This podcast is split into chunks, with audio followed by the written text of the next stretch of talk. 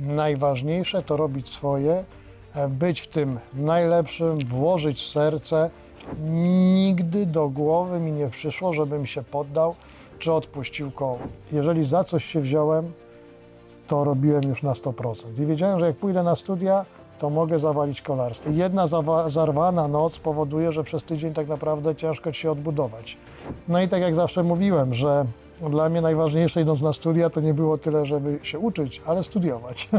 Na szczęście nie wiedziałem z kim walczę, a walczyłem ze zdobywcą Pucharu Świata, z kimś tam jeszcze. E, Pamiętam Puchar Polski międzynarodowy, e, gdzie na 700 zawodników wtedy dostałem puchar za najlepszego zawodnika turnieju. Otworzyły mi się wrota już nie tylko krajowe, ale pozostałem powołanie na kadrę, na Puchar Świata. Samodyscyplina od najmłodszych lat spowodowała, że w głowie została mi pewien taki ramowy program dnia. Zawodowe Mistrzostwo Świata, e, dużo walk, z czego większość wygranych. Pytanie, skąd się w tym wzięła służba więzienna? Że sukces, póki żyjemy, nie jest stanem permanentnym. To jest tak, że ja dzisiaj mogę mieć sukces, jutro mogę być na To samym jest to, dnie. co nam mówili na uczelni. Co Nie? to jest bezpieczeństwo, nie? No, czy to jest stan? Dokładnie, dokładnie tak. To Cały nie, czas musisz o to dbać. Tak długo jak żyję, tak długo to nie jest stan permanentny. Powiem wprost. Kto osiąga sukces? Osoby, które robią to, czego innym się nie chce.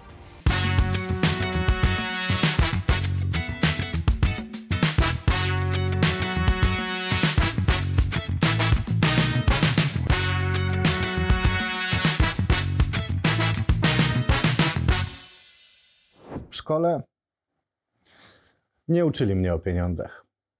Ani o tym, jak je zarabiać, ani o tym, jak nimi zarządzać. Dorosłe życie pokazało mi jednak, że jest to jeden z najważniejszych tematów, z którym mamy do czynienia na co dzień.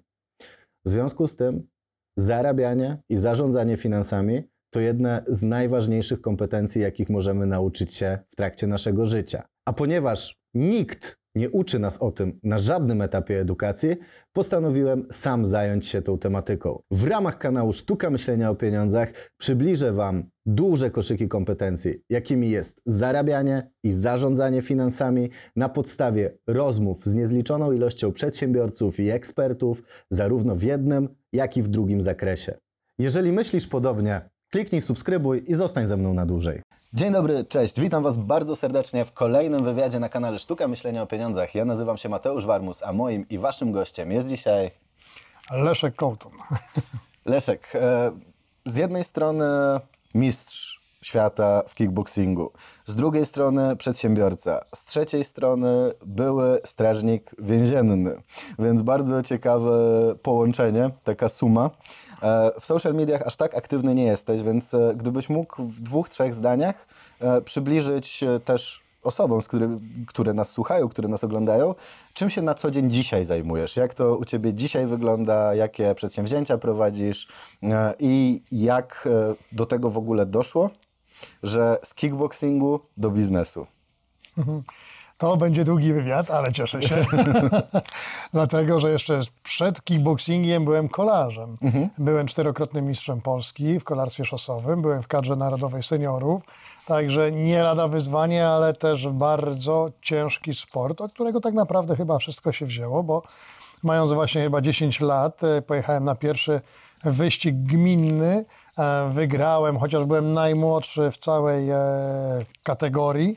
No i jak trener podszedł e, z klubu kolarskiego, jeszcze to było w Toruniu, spytał się o mój rocznik, no to był wielkim szoku i od razu miałem przepustkę do tego, żeby trenować tam kolarstwo szosowe, co było moim ogromnym marzeniem. Do dzisiaj pamiętam, e, jak dostawałem dyplom jeszcze od naczelnika gminy, to był 80 chyba 8 czy 9 rok, a nagrodę, którą wtedy wygrałem lub wybrałem, mam do dzisiaj. To była wymarzona piłka do nogi. Co to była za piłka do nogi, że ona do dzisiaj żyje? Czy ją Ona postawiłeś na nigdy półce? w życiu nie była Okej. używana. Mam ją stoi na półce jako moja pierwsza nagroda. Jest też dyplom i to zawsze pomaga mi w tym, żeby myśleć sobie, co w życiu chciałem robić. I to był pierwszy cel, który zrealizowałem w wieku 10 lat i pokazało mi, że rzeczywiście marzenia się spełniają, ale nic się nie bierze z niczego. Ten wywiad dzisiaj też będzie taki troszeczkę specyficzny, bo z czasem dołączy do nas też Twoja żona Julianna. Porozmawiamy sobie też trochę o tym, w jaki sposób e, jednocześnie dbać o relacje rodzinne i w jaki sposób wspierać się w domu, żeby biznes mógł funkcjonować, bo często zapominamy o tym, że tak naprawdę poukładany biznes wynika też z poukładanych innych tematów w naszym życiu, więc warto na pewno to, ten temat przybliżyć, a jesteśmy w takim miejscu, bo jesteśmy u Ciebie, dziękujemy bardzo też za zaproszenie w ogóle, e, że będziemy mogli sobie o tym porozmawiać i położyć na to fajny nacisk. Natomiast e, zanim przejdziemy do tej części relacyjnej wywiadu, to skupmy się na tym, e, jak nawyki sportowe przenieść do biznesu i skąd w ogóle właśnie pomysł na to, żeby je przenieść do biznesu. Bo tak jak wspomniałeś, pierwszy wyścig kolarski w wieku 10 lat, później z czasem w tym kolarstwie też sporo osiągnąłeś z tego, co się dowiadywałem. No i teraz mamy już w ogóle e, człowieka renesansu, nie? bo dwie dyscypliny sportowe na poziomach mistrzowskich. E, Do tego rodzina, dzieciaki, e, więc czas też poświęcony relacjom. Do tego biznes, w międzyczasie gdzieś tam po drodze właśnie ta kariera w służbie więziennej, więc było tego całkiem sporo. I jakbyśmy mogli na początek tego wywiadu wrzucić tylko taki sneak peek, takie trzy wnioski, na przykład twoje albo cztery najważniejsze, które do dzisiaj wyciągnąłeś, jeżeli chodzi o układanie sobie tych właśnie wszystkich tematów, e, które dzisiaj powodują, że wiesz, z czego się bierze to, że dzisiaj jesteś tu, gdzie jesteś. Czyli z całej tej twojej drogi cztery takie najważniejsze wnioski, a później już pójdziemy dalej po kolei historią. Na pewno samodyscyplina, e, priorytety, bo tym się cały czas kieruję. Czyli wybieramy sobie, co ja chcę w życiu osiągnąć i kim chcę być. Muszę to przestrzegać, czyli to, o której sobie samodyscyplinie powiedziałem. E, o tym, co więcej, o, o szacunku, wsparciu i, i przyjaźni, nie tylko w rodzinie, bo mi w rodzinie to jest oczywiście miłość i szacunek i, i wsparcie, ale też y, w środowisku zewnętrznym, poza domem i takimi wartościami przede wszystkim się kierować i nie patrzeć na kogoś jako konkurencję, tylko jako przykład i nie być tak naprawdę zazdrosnym o pewne rzeczy majątkowe, tylko dążyć do tego, żeby mieć tak samo. A rozwiniesz trochę, nie patrzeć na kogoś jak na konkurencję, tylko jak na przykład? E, Tak, co- dlatego że e, jeszcze nie mówiliśmy o tym, e, co ja poza oczywiście służbą jeszcze innymi rzeczami robię, bo prowadzę też chociażby klub swój bokserski, kickbokserski w Wołowie. Mam e, fajnie, bo dosyć dużo i dzieciaczków i w tym roku kolejne tytuły Mistrza Polski. Szykujemy się zawodnikiem na Mistrzostwa Europy do Turcji, więc e, jest to taki ogromny sukces, ale jest też e, poza moim klubem dużo klubów sportu walki w tym niedużym miasteczku w Wołowie i często widzę, jak dwa czy trzy kluby, nawet nie tej samej dyscypliny, ale próbują sobie rywalizować i zachęcać dzieci, młodzież czy nawet dorosłych do uprawiania danej dyscypliny tylko i wyłącznie w ich klubie. Ja zawsze mówię i to zawsze mówiłem, czy do żony, czy która też prowadzi biznes, e, czy do siebie, czy do córek, że najważniejsze to robić swoje, e, być w tym najlepszym, włożyć serce, a zobaczycie, że ludzie sami to wyczują i przyjdą do Was, bo będziesz ich traktował inaczej, aniżeli pozostali, którzy patrzą przeważnie na koszty związane właśnie z członkostwem czy, czy opłatami. No, my wkładamy bardzo dużo serca, czasami nawet i dokładamy, ale robimy to z pasji, bo robimy to, co najbardziej uwielbiamy. E, Możemy z tego wynieść wniosek, że tak de facto e, takie skupienie na sobie, na swoich zadaniach, a niekoniecznie patrzenie, co się dzieje na zewnątrz, aż tak bardzo. To znaczy dopuszczanie do siebie pewnie pewnych informacji, ale nie interpretowanie ich przez pryzmat tego, no dobra, Twoich 10 klientów więcej to jest moich 10 klientów mniej, tylko interpretowanie tego przez pryzmat ja robię to, co lubię, to, co kocham robić, robię to dobrze, więc po prostu obronię się swoją marką. Dokładnie tak, ale jest tak zwana e, zdrowa rywalizacja, czyli to, że tak jak było w sporcie, no moim najlepszym e, przyjacielem był mój odwieczny, powiedzmy w ringu rywal i bardzo się lubiliśmy, szanowaliśmy, a często spotykaliśmy się w finale, no i no, dochodziło do tego, że albo e, znokautowałem. Na szczęście po mojej stronie było. To był też kolega z Serbii, też policjant antyterrorystyczny e, z antyterrorystycznej policji i to jest ta zdrowa rywalizacja, która, która nam przyświeca i to jest bardzo fajne, bo tak jak mówisz o podpatrywaniu, czasami też właśnie mam różne kluby, które też widzę, podglądam, fajnie, o mówię, ci taki zrobili trening, może tak, no ale często też widzuję, że okoliczne kluby bardzo często, jeżeli coś wpadnę na pomysł, bo oczywiście pomysłów mam dużo, a pochodzę z kolarstwa, gdzie moim marzeniem zawsze było, żeby wszyscy wyglądali jednakowo, czyli tak samo ubrani, tak samo wyglądali i samochód klubowy, i ubrania klubowe, i wszystko tip-top od A do Z.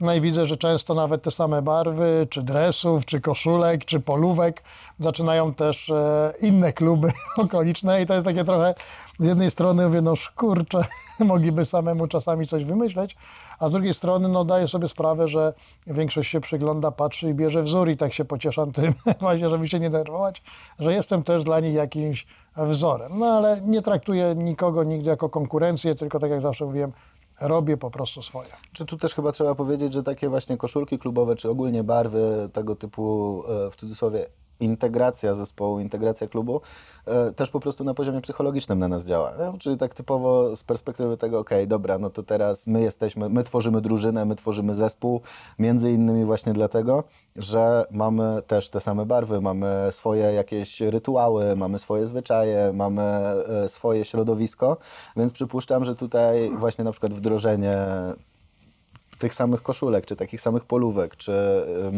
samochodu klubowego, czy czegokolwiek w ten deseń, powoduje po prostu integrację zawodników i też e, dużo lepsze relacje ogólnie w, samym, w samej strukturze.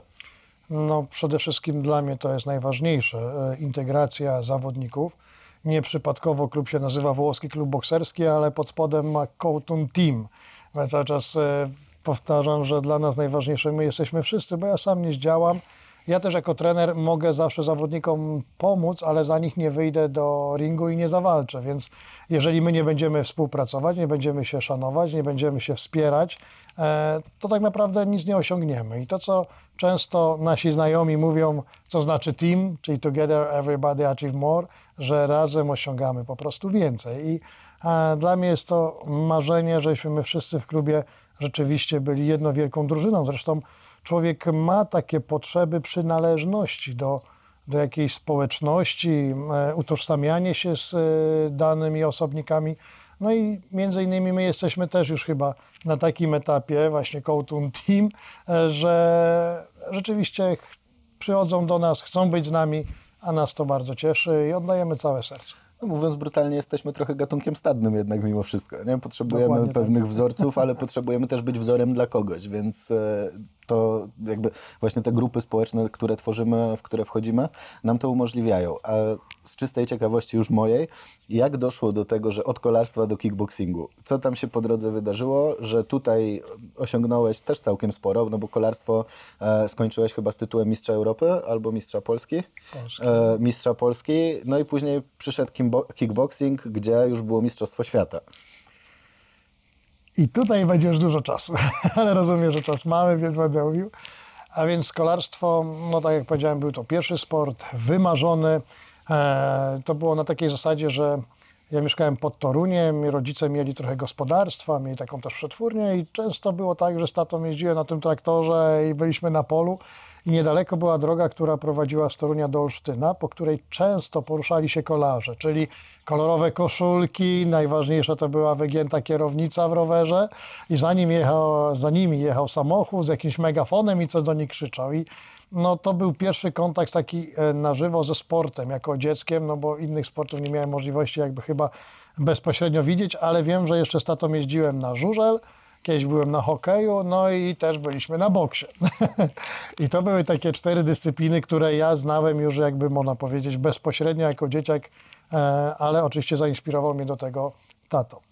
E, No i kolarstwo wzięło się też z tego, że tato chyba kiedyś też trenował troszkę, ale ze względu na czasy takie, a nie inne, musiał przyjąć gospodarkę. Niestety nie mógł realizować swojego marzenia i chyba przekładał to trochę na mnie i o tym kolarstwie mówiliśmy. Ja pamiętam, jak leciał wyścig pokoju, ja byłem chyba w trzeciej czy czwartej klasie podstawówki i szybciej wychodziłem jak najszybciej ze szkoły, żeby zobaczyć, jak Lech Piasecki wygrywa etapy i był pierwszym takim moim idolem wtedy w kolarstwie, więc marzyła, marzył mi się rower oczywiście z wygiętą kierownicą i najlepiej przerzutkami.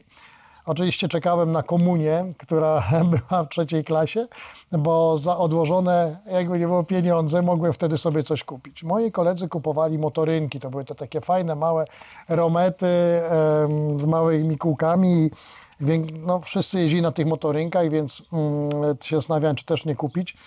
No i pamiętam, jak jechaliśmy do Torunia, do rynku, przecież nie było teraz, tak jak teraz idzie- młodzież do Decathlonu i kupuje sobie rower albo pod rower ciuchy lub odwrotnie i byle mieć e, pieniądze.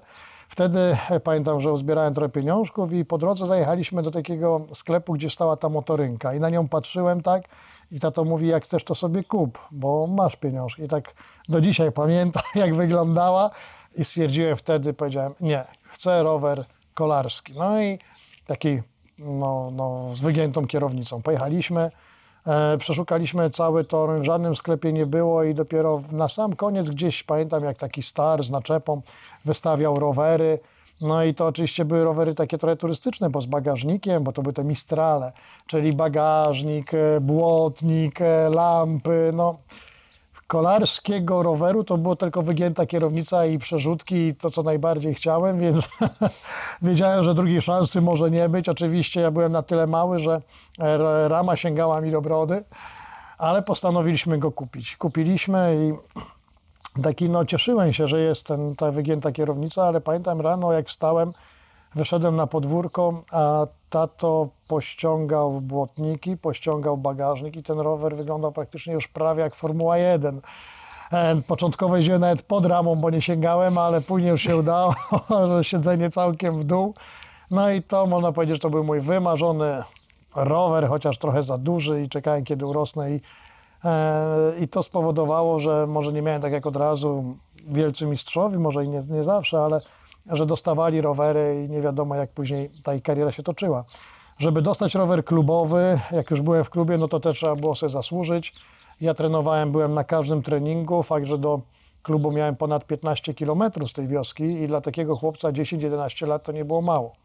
E, Pomagał mi w tym tato, który no, często mi wo- dowoził na treningi, kupił specjalnie nawet później samochód, e, bagażnik na dach, żeby ten rower czasami zakładać, żebym dowiózł, ponieważ jak ja dojeżdżałem do klubu, to już miałem 15 czy 20 km w nogach, później jechałem z kolegami około 60 gdzieś tam w drugą stronę Torunia i później jeszcze musiałem wrócić, więc jeździłem już jak praktycznie zawodowiec prawie, że tyle kilometrów, ale już no, to się też odbijało tym, że no, siły nie miałem. Fakt, że po wielu latach to zaprocentowało, bo etap czym dłuższy, tym dla mnie było lepiej. Zresztą e, ja miałem niesamowite też zawzięcie do tego, że zawsze mówiłem, że tego koła, potocznie mówiąc, kolarskiego nie odpuszczałem. Ale mm, to też spowodowało, że często końcówka treningu czy na wyścigu, jak zaczynałem, no nie zawsze dojeżdżałem w czołówce. A i kiedyś pamiętam, jak i co zmieniło moje podejście w ogóle nie tylko w sporcie, ale i w życiu. Jak mm, pamiętam, że był jakiś finisz pod górkę, ja nie miałem siły, zostałem i wtedy trener kazał mi się wstawić następnego dnia z takim jeszcze jednym bardzo dobrym zawodnikiem, kolegą w klubie. To co mówię o tym zdrowie i rywalizacji. No i wezwał nas dwójkę na rozmowę e, i powiedział, to był wtedy Wiesław Młodziankiewicz, mój pierwszy trener i powiedział do tego dobrego chłopaka, on mówi, jedziecie dzisiaj tam pod taką górkę i ty, Leszek, twoje zadanie jest nie odpuścić koła, czyli macie wjechać razem. Jeżeli zostaniesz, to drugi dzień nie przyjeżdża już na trening. No a przecież to była moja pasja, to było moje marzenie, to było wszystko, co wtedy znałem, więc no stres ogromny, a kolega no, będzie wykonywał, robił wszystko, żeby pewnie mnie zostawić pod tą górkę. Nie wiedziałem o co chodzi, dlaczego tak trener podjął decyzję. Ja mówię, może mnie nie lubi, może chce się mnie pozbyć. No i rzeczywiście dojechaliśmy do tej górki i ten kolega robił wszystko, żeby mi odjechać, a ja robiłem wszystko, żeby z nim zjechać. Więc y, w kolarstwie, jak ja zawsze cały czas mówię, jest to mega ciężki sport. Ja pamiętam, jak ja wtedy chciałbym powiedzieć, że wyłem z bólu, ale nie miałem tlenu, bo zabiera to ogromny tlen. Jak mi łzy leciały z bólu, e, żeby z tym e, kolegą wjechać. No i udało się. Byłem niesamowicie wyczerpany, ale wtedy zmieniło się wszystko w mojej głowie. Od tamtej pory, jak to często bywało, nigdy do głowy mi nie przyszło, żebym się poddał czy odpuścił koło. Nawet jak później dojdziemy do takiej walki, którą jedyną w życiu przegrałem, e, to też będę się do tego odnosił. I e, ta sytuacja wtedy z tego dnia mm, tak zmieniła moją psychikę, że o do dzisiaj chyba nie odpuszczam nigdy. I to nie tylko w sporcie. Później wiele, e, wiele wyścigów, e, wiele Ale zgrupowań. wtedy, rozumiem, dojechaliście razem. Wtedy dojechaliśmy razem, tak jak powiedziałem, no z bólu to płakałem. Chciałbym powiedzieć, że wyłem, ale nie miałem powietrza, żeby, żeby wyć. Z jednej strony byłem mega padnięty i zmęczony, ale z drugiej strony też wiedziałem, że wykonałem zadanie, a nie wiedziałem, co to było zadanie, znaczy, co miało to znaczyć. I Nie. wtedy dopiero trener nam powiedział, że jeżeli przełamałeś pewną barierę, to już tak już zostanie. Ja sobie wyobrażam to tak, że po prostu bardzo dużą rolę tam odegrała głowa. I to, że właśnie to zawzięcie do, do celu spowodowało, że faktycznie cię to zbustowało po prostu, że, że dałeś radę, ale wszystko działo się tutaj, rozumiem. Wszystko w głowie. Później miałem taką okazję, znaczy okazję. mm, Powstała pierwsza w e, historii w Polsce szkoła mistrzostwa sportowego w kolarstwie i ona miała miejsce, mieściła się w Żardowie koło Warszawy. Tam e, na całą Polskę przyjęto nas tylko 12 osób, najlepszych kolarzy, ci, którzy mieli najlepsze wyniki, ale później jeszcze przechodziliśmy mnóstwo badań takich wydolnościowych w Centralnym Ośrodku Sportu. E, Udało mi się zakwalifikować, mieliśmy zapewnione nocleg, wyżywienie, treningi, a całe zimy spędzaliśmy tak naprawdę w ciepłych krajach, bo i na Majorce, i na Teneryfie, po to tylko, żeby właśnie móc trenować. We Włoszech bardzo często byliśmy i robić tam formę. Rzeczywiście przekładało się to niesamowicie na e, wyniki sportowe, ale doszło do pewnego momentu, gdzie e, dochodziło do matury, kończyło się tą szkołę średnią, i nie było pomysłu chyba dla nas na dalszą karierę. W większości z nas wracało gdzieś do klubów. No i teraz co dalej? Akurat zbiegło się to z tym, że z juniora, kategorii takiej jeszcze fajnej, gdzie trochę jest no, jeszcze zabawy w tym wszystkim, przechodziłeś do seniora, gdzie już jest typowa konkurencja, gdzie liczą się pieniądze, gdzie liczy się wynik. Mm, I w tym takim trudnym trochę momencie stanąłem pod znakiem zapytania, co dalej. E, W latach jeszcze, kiedy to ja trenowałem, czyli w 90., nie było tyle uczelni wyższych, że możesz teraz mieć pieniądze i przepraszam, że tak mówię, ale nikogo nie chcę też urazić, ale często też tak bywa, że idziesz na studia, które chcesz iść, ważne, żeby oczywiście umieścić opłatę. E, Teraz jest e, szkół bardzo dużo, wyższych e, i prywatnych. Wtedy były tylko uczelnie państwowe, czyli albo akademia, albo uniwersytet. Ja ze względu na klasę mistrzowską międzynarodową, którą osiągnąłem podczas szkolarstwa, miałem e, wstęp wolny na Akademię Wychowania Fizycznego dowolną w kraju. Wcześniej nie myślałem o studiach, bo myślałem o karierze sportowej. Mimo wszystko, iż byłem e, kadrowcem e, w seniorach, nagle ta sytuacja spowodowała, że zaczynałem się zastanawiać, czy dalej brnąć w karierę, czy na przykład nie spróbować iść na studia. Tylko bałem się, że u mnie zawsze było tak, że jeżeli za coś się wziąłem, to robiłem już na 100%. I wiedziałem, że jak pójdę na studia, to mogę zawalić kolarstwo. Jak będę na, e, dalej trenował, to ciężko mi będzie pogodzić studia. I kurde, tutaj wybór był trudny, ale o tym, jaki wybór podjąłem, zadecydowały w moim życiu dwie sytuacje. Pierwsza to była taka, że znajomy trener, który miał jechać na olimpiadę, był przygotowany. mm, Dwa dni przed wylotem mieli wypadek na rowerze, to na treningu zwykłym. Uderzył głową w słup. E, Stracił przytomność, obudził się chyba już po olimpiadzie i to spowodowało, że na tą olimpiadę nie pojechał. Kolarzem już dalej nie mógł być, a tak naprawdę uratowało go to, że miał wykształcenie wyższe, właśnie był po AWF-ie e, i mógł wtedy żyć z tego, że był dalej czynny, pracował, jakieś pieniądze otrzymywał.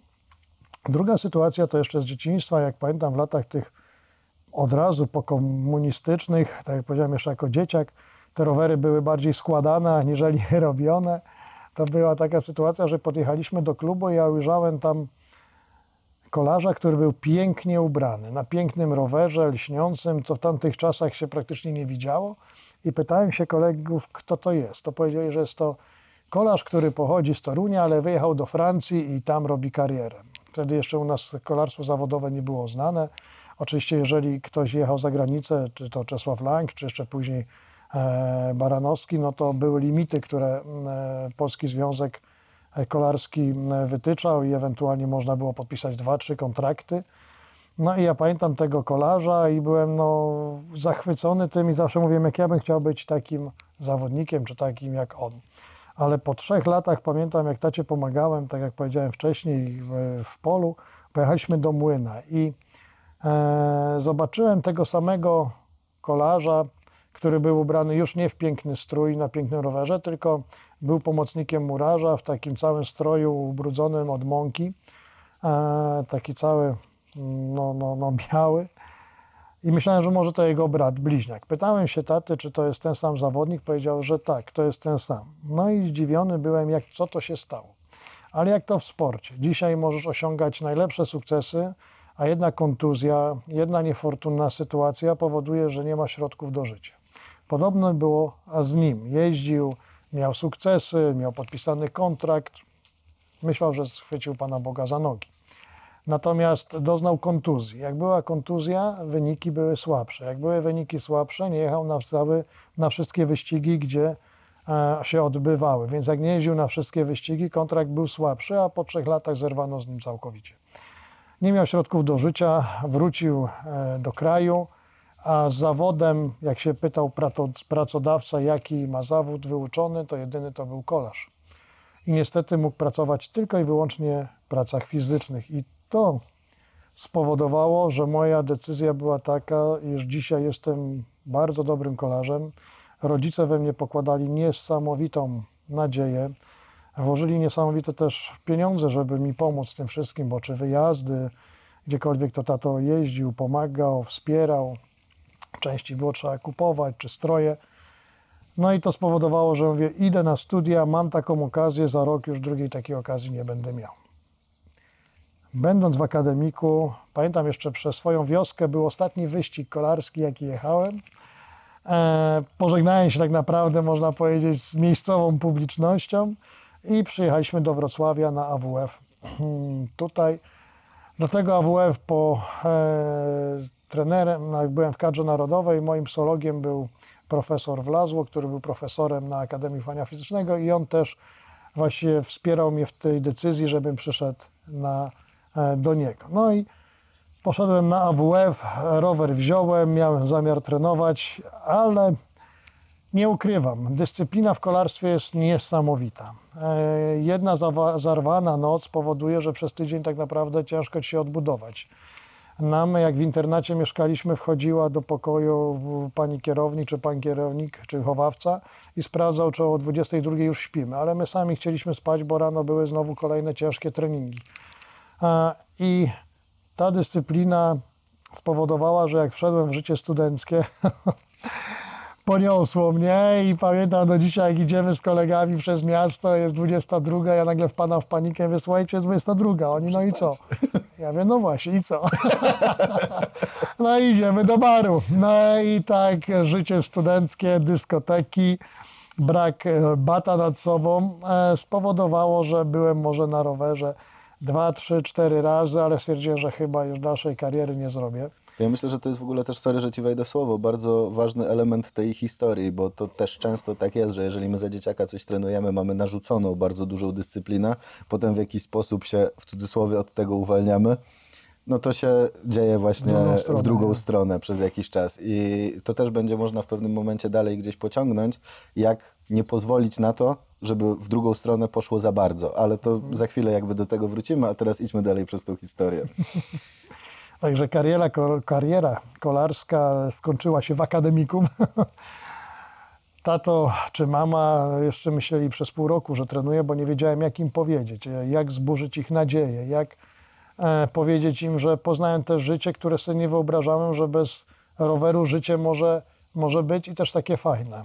E, to można powiedzieć nie zgubą, ale tą sytuacją było to, że pod akademikiem była dyskoteka, na której oczywiście były tak zwane szewskie poniedziałki, to znaczy, że piwo było o połowę tańsze, były dyskoteki, można było wyjść, nikt cię tak naprawdę nie sprawdzał, o której wracasz. No i tak jak zawsze mówiłem, że dla mnie najważniejsze idąc na studia to nie było tyle, żeby się uczyć, ale studiować. A poznałem życie akademickie będąc u mojej najmłodszej siostry w Łodzi, jeszcze jak byłem kolarzem, jak pojechałem i zobaczyłem na juwenaliach jak studenci się po prostu potrafią bawić. Ja mówię, też bym chciał tak żyć. No i rzeczywiście tak się e, stało. Byłem tym kolarzem, imprezy, ale po dwóch miesiącach leżałem, pamiętam, na łóżku i mówię, kurczę, coś bym ze sobą zrobił. Brakowało mi tych 12 lat ciężkiej charówy co, co, codziennie i zawsze marzyłem o tym też, nawet jako kolarz, żeby być jak Bruce Lee, bo na tym się wychowałem. E, Wychowałem się na Wandamie, wychowałem się na tych wcześniejszych aktorach ze sportu walki i ja mówię, kurczę, jak fajnie być takim też jak oni. No i często nawet jak byłem kolarzem, to do szkoły przynosiłem rękawice, nie mając pojęcia i też próbowaliśmy się boksować. Nie ma, no na szczęście nikomu nic się e, poważniejszego nie stało.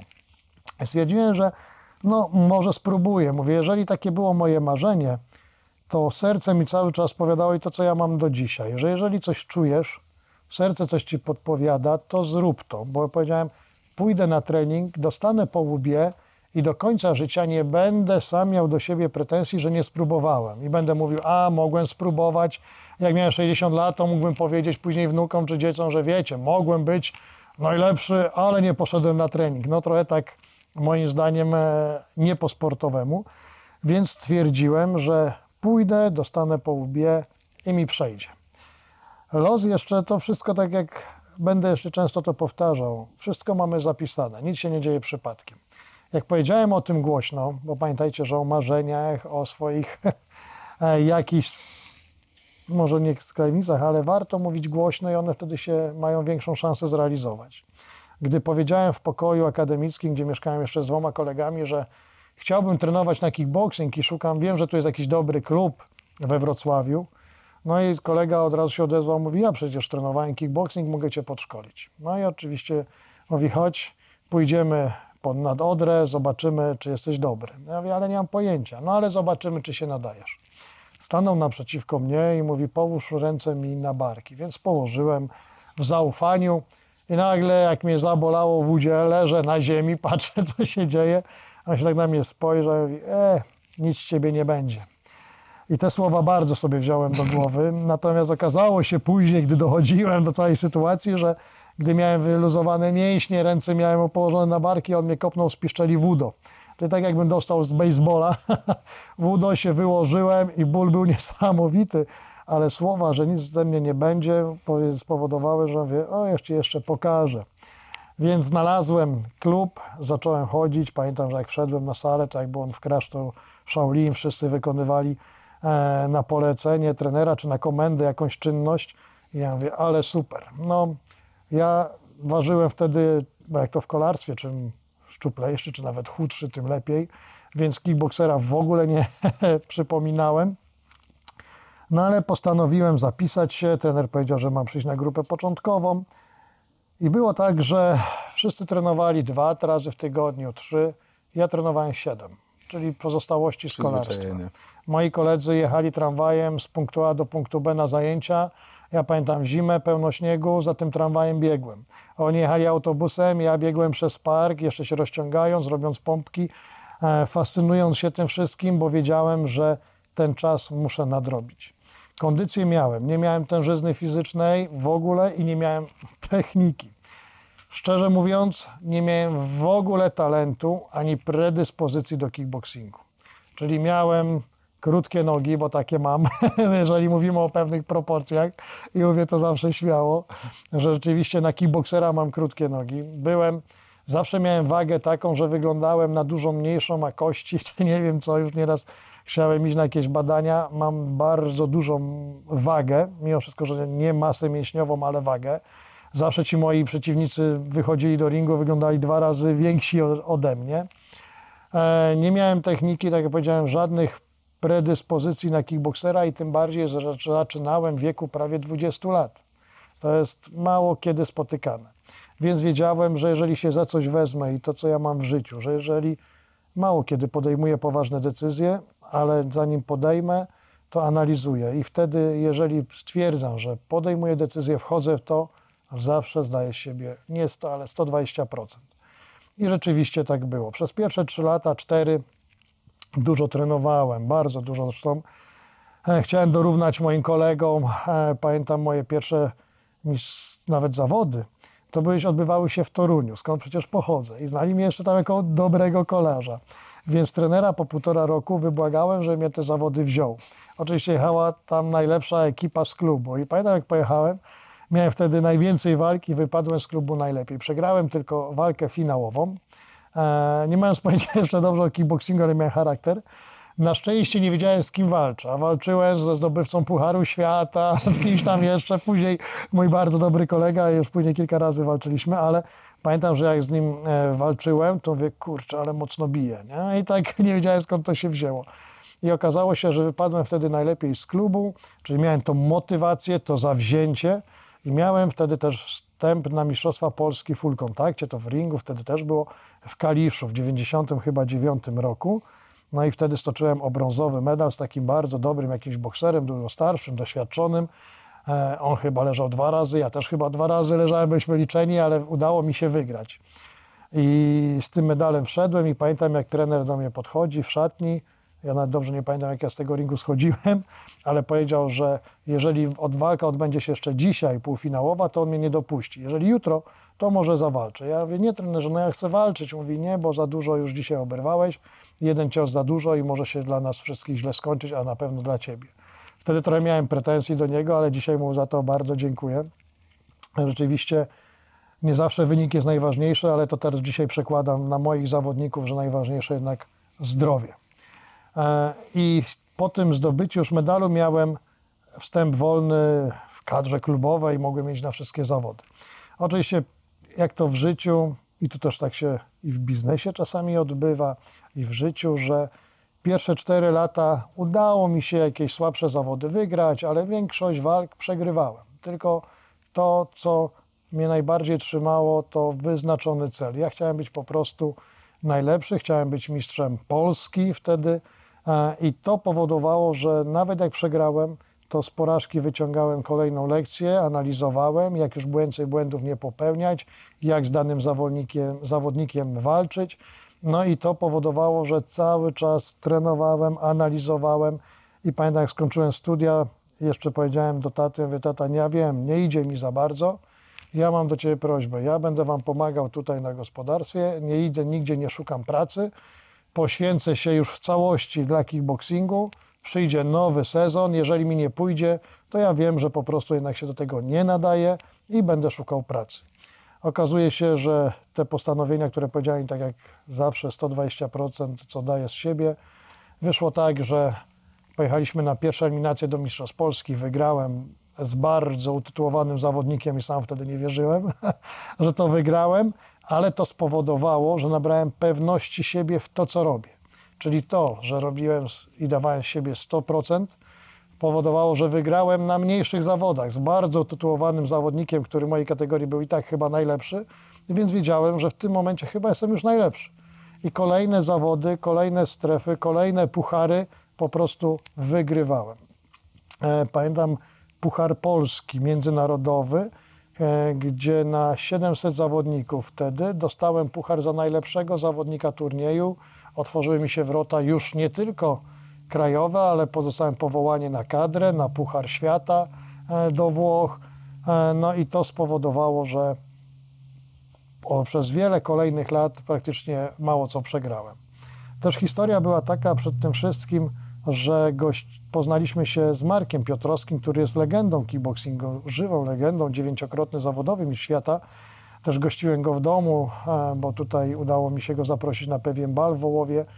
I kilka takich wskazówek, które on mi udzielił, spowodowały, że rzeczywiście mocno sobie wziąłem do serca, bo Piotrek, i go serdecznie pozdrawiam, jest niesamowicie inteligentnym człowiekiem i kilka słów, które on mi powiedział, we mnie tak zostało. To jest to, co mówimy, że słowa mają moc. Te słowa miały niesamowitą moc. Ja się do tych wskazówek jego e, cały czas starałem odnosić i to spowodowało, że po pewnym czasie zostałem najlepszym zawodnikiem, przynajmniej w kraju. Potem e, kolejne wyzwania, kolejne walki, czasami się przegrało, ale przez ten pryzmat kilku lat już się szło takim, takim flow, wygrywało się e, fajnie walki, gdzie już wchodziłem i jak już na zawodach kiedyś się martwiłem, czy przyjął taki i taki zawodnik, to teraz już moi przeciwnicy mówili tak samo, czy będzie Kołtun, czy nie będzie i o kurde, Kołtun przyjechał, nie będzie lekko, gdzie ja już, mówię, szedłem takim e, najlepszym takim, takim czasem. I co najważniejsze, jeszcze w sporcie, czy w firmie, czy w życiu, to wyznaczać sobie kolejne cele, czyli to, co też Marek Piotrowski cały czas mówił, najważniejsze to się doskonalić. Czyli nie, że zostałem mistrzem Polski i to by mi wystarczało, tylko jak zostałem mistrzem Polski, zostałem kolejnym mistrzem Polski, ale to już mi ta ambicja nie pozwalała, żeby tylko się w tym kręgu zamknąć, więc chciałem zostać mistrzem Europy. Po mistrzostwach Europy chciałem zostać mistrzem świata i to powoduje, że, że się rozwijasz. I gdybym moją świadomość, czy moje chęci, moje marzenia zamknął tylko na poziomie mistrza Polski, to w życiu bym nie był mistrzem świata, bo emocjonalnie bym do tego jeszcze nie dorósł. Później chciałem być mistrzem świata już zawodowym, czyli walczy się bez ochraniaczy, tylko w samych rękawicach, bez kasku, więc udało mi się również e, to osiągnąć. Pasy mistrzowskie leżą, znaczy nie leżą, tylko wiszą w klubie. I to było największe osiągnięcie w sporcie, akurat którym uprawiam, kickboxing, bo E, nie jest to, jeszcze nie jest, a teraz wchodzi dyscyplina olimpijska. Wtedy jeszcze nie była i to było największe osiągnięcie, jakie mogłem osiągnąć. Pewnie teraz bym może się zakwalifikował na olimpiadę i to było zawsze marzenie moich rodziców, ale no już nie uda się go na pewno spełnić, chyba że pojadę jako trener, więc też może być w ten sposób.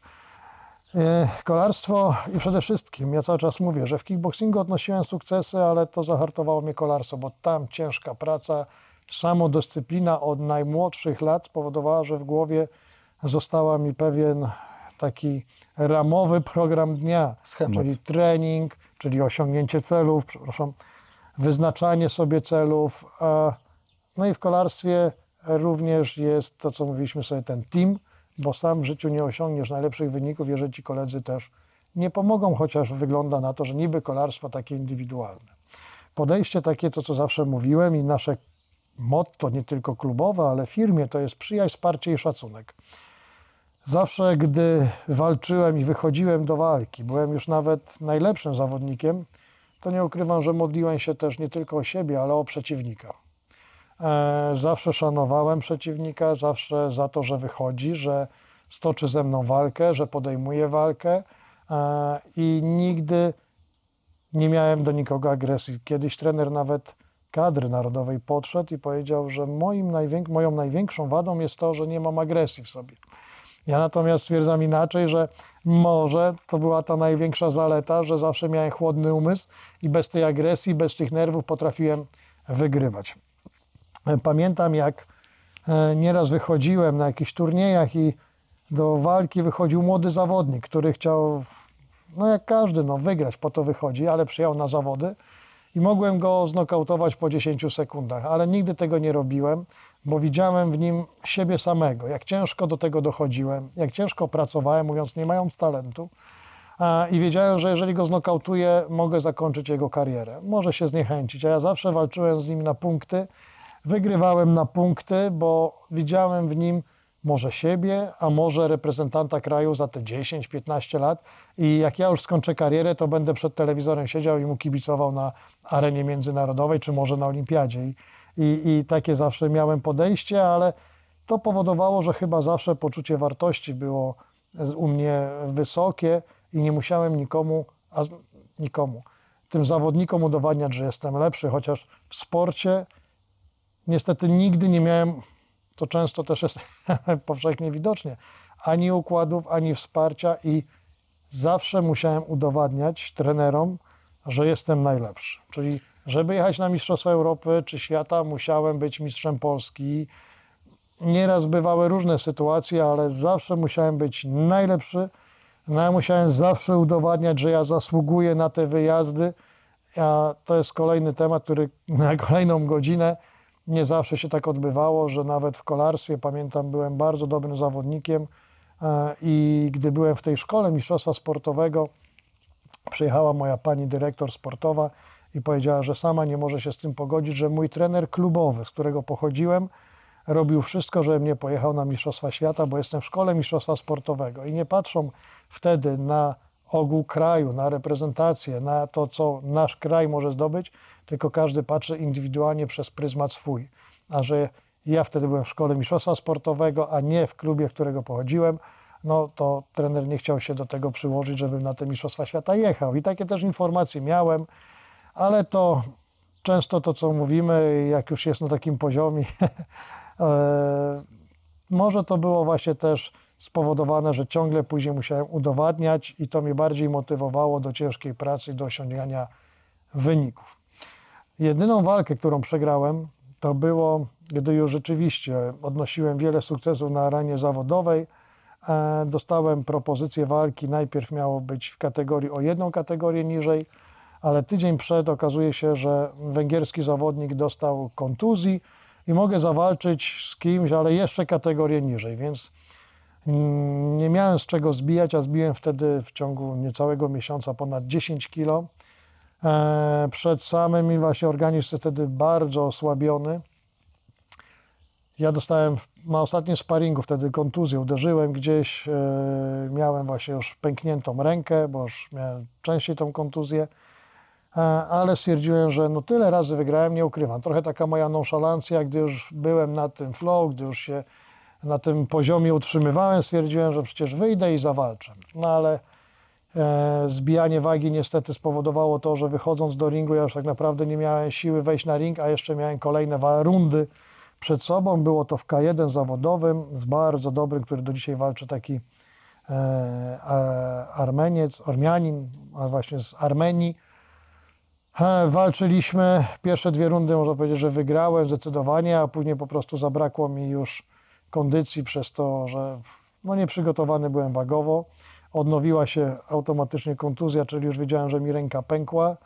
E, Wszystko szło w telewizji, rodzina najbliższa oglądała, zresztą dużo moich przyjaciół przyjechało, nawet z księdzem proboszczem na czele.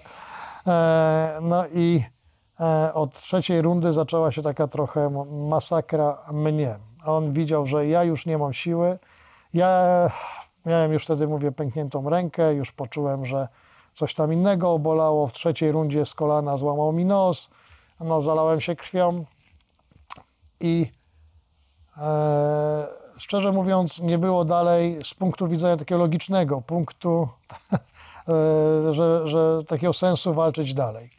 Pamiętam, jak wszyscy krzyczeli, żeby przerwać walkę, ale mój trener w narożniku, który mnie bardzo dobrze znał, wiedział, że jeżeli on przerwie walkę, to ja już do końca życia mu tego nie wybaczę. Ja byłem cały zakrwawiony, byłem za, połamany, bo miałem już wybitego zęba, miałem język praktycznie na pół przecięty, miałem złamany nos, pełno krwi, łapy połamane, ale do końca pamiętam, jak walczyłem i stwierdziłem, że jeszcze była ta iskra nadziei, że może jeszcze tą walkę wygram.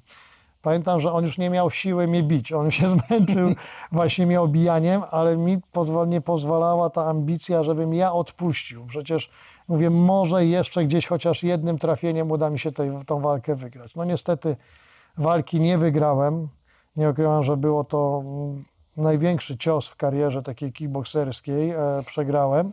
Ale to, co powiedzieli komentatorzy, to dzisiaj, którymi się Janisz czy, czy Juras, bo oni wtedy to komentowali, że tą walką też udowodniłem, że wcześniejsze tytuły Mistrza Świata nie były przypadkowe. Czyli, że obrywałem niesamowicie, ale jeszcze tak jak taki kogut y, walczyłem, chociaż nie miałem już dużych szans i pokazałem, że Mistrz Świata tak naprawdę nigdy się nie poddaje. Stoczyłem ponad 200 walk w swojej całej e, karierze kickbokserskiej. Leżałem nieraz na deskach, ale nigdy nie, przegra, nie przegrałem przez poddanie. Czyli zawsze, nawet jak leżałem, wiedziałem, że muszę szybko wstać i walczyć do końca. I czym więcej rund było, tym nabierałem większą przewagę, ale pewnie to było też wypracowane z kolarstwa, że tak kondycja, zawzięcie, a w kolarstwie dużo więcej razy płakałem z bólu aniżeli w kickboxingu. Statystyki zawodowe 16-1, także to też mówi samo za siebie. Ale hacząc, jakby tak jak wspomniałem, e, ten pan w takim wypadku, Marek, em, powiedział ci jakieś słowa. Uznaliśmy, czy też przekazałeś wtedy, że słowa mają moc. Jeżeli możesz się podzielić tym, co ci powiedział, albo przynajmniej częścią z tego, co ci powiedział, e, to właśnie jaki przekaz tam padł, że u ciebie to tak wiele zmieniło? Marek, którego serdecznie pozdrawiam, Marku. Eee, no był to moją inspiracją, że po pierwsze, żywa legenda o mnie w domu, to było coś niesamowitego i, i to, co zawsze Marek nie mówił dużo, ale jak coś powiedział, to była taka energia, że nigdy ni, niczego takiego nie czułem od żadnego mówcy, a Marek nie jest mówcą, ale jest tylko po prostu sportowcem i, i te słowa zawsze były takie wyszukane i bardzo, bardzo wartościowe.